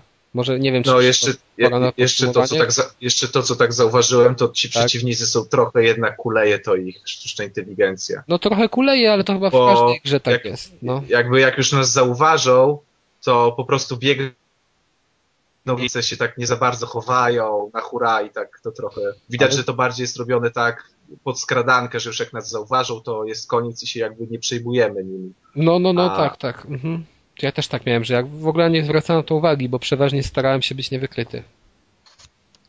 I dlatego wiesz, mnie nie obchodziło, jak oni reagują później po moim wykryciu, bo przeważnie wtedy loadowałem, żeby się znaleźć wcześniej, tak? Żeby to jakoś przejść, żeby po cichu go załatwić, czy coś w tym guście. Dobra, może Nie, no wystarczy tak, o tak. Deusie, co? Dobra, no wystarczy. No ja w każdym razie to dla mnie to jest na razie druga gra po, znaczy jedna z dwóch najlepszych gier na razie w tym roku, w które grałem po, znaczy z tego roku, nie w tym roku, bo jeszcze Deadly Premonition w tym roku grałem. Dla mnie to jest z tego roku. Ale to jest Już obok tak Portala zostało. druga najlepsza i naprawdę warto w nią zagrać. I jak ja nie za bardzo zawsze lubiłem skradanki RPG zachodnie, tak mi się tutaj to wszystko podobało i mi wychodziło i, i czułem dużą satysfakcję. Ma cztery endingi. Też to jest fajne, że nie trzeba całej gry zaczynać od początku, tylko na samym końcu jest wybór. Sami wybieramy, jaki chcemy, jakby ten ending, czy się tak potoczy sprawa, czy tak. E, No fabularnie fajnie, no dla no, ma pomniejsze wady, Odeusz o niektórych z nich wspomniał, według mnie niektóre wyolbrzymił. E, Mi się ta gra bardzo podobała. Dobra, amen, dziękujemy. Amen. Okej, Nareszcie. to już rozmówiliśmy sobie trochę, rozmówiliśmy się do dosyć długą metę, jeżeli chodzi o tę grę, a teraz przejdziemy do krótkiego kącika kulturalnego i z tego, co tutaj widzę w rozpisce, chyba mam tylko ja pewną pozycję wraz z Deuszem, bo się okazało, że Deusz też tę pozycję widział. A mianowicie jest to film. Jest to film, który się nazywa Karate Kid, który wyszedł w zeszłym roku. To jest remake, znaczy remake, czy jakiś, nie wiem, reboot serii. znanej znaczy, to jest remake. 70.. Zaraz powiem, na jakiej zasadzie jest to remake zrobiony. Leciało to na HBO. E, Obejrzeliśmy sobie y, to i teraz może, może tylko powiem na początek, Deusz, że pierwsza rzecz, która mi się rzuciła w oczy, a w zasadzie w uszy, włączam to i słyszę co polskie głosy, dubbing. I ja tak sobie myślę, e, że oni potraktowali ten tytuł trochę dziwnie. To znaczy, no i powiedzcie mi tak może, bo wy nie widzieliście oprócz Deusza, co to może, z czym, o czym może być ten film, skoro ten film się nazywa Karate Kid? No, mnie, o czym to jest? Nie wiem, o Karate Kidzie, no. No, czyli o karate ci- dzieciaku, tak? No.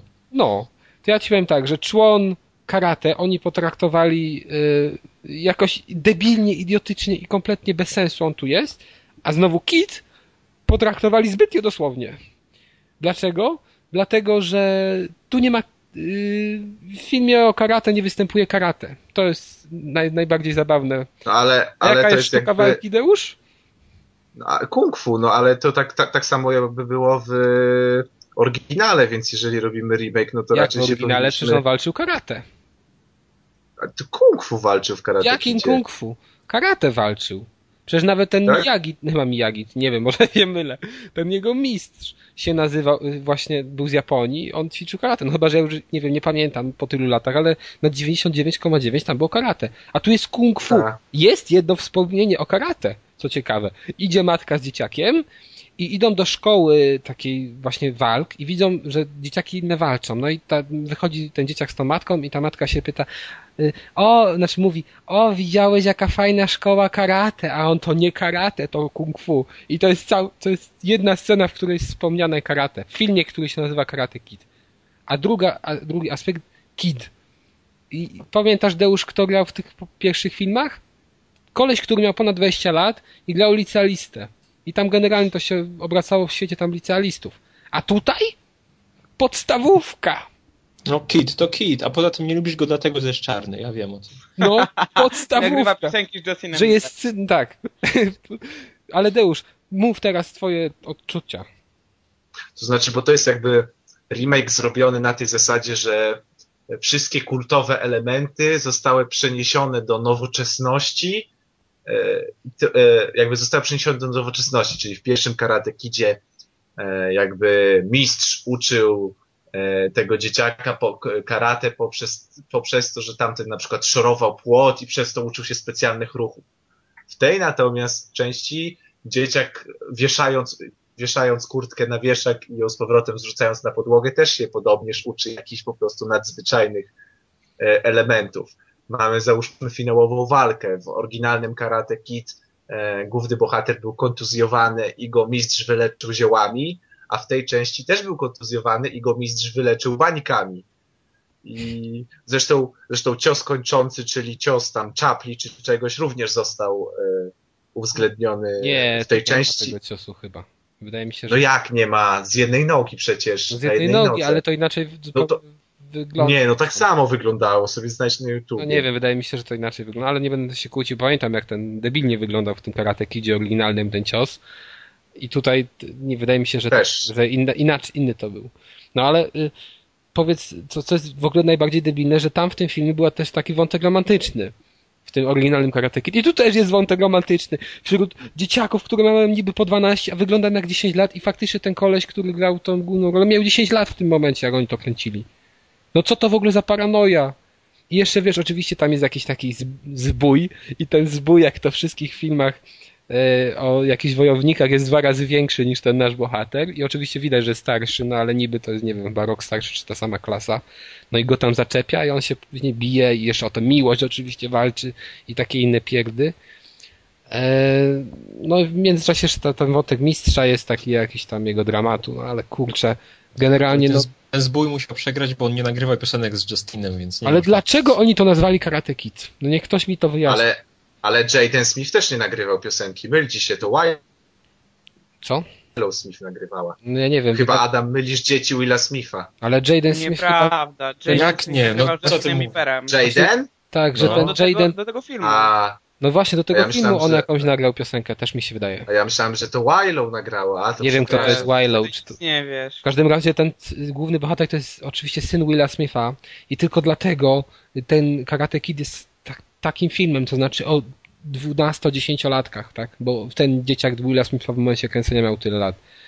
No i nie, no, dla mnie to jest w ogóle jakaś paranoja, jeszcze biorąc pod uwagę, że to w polskiej wersji było, a ja to przełączyłem na angielską, nie miałem napisów, nie wiem dlaczego i oglądałem sobie po angielsku, ale mimo wszystko to nie, to, to jest masakra w ogóle.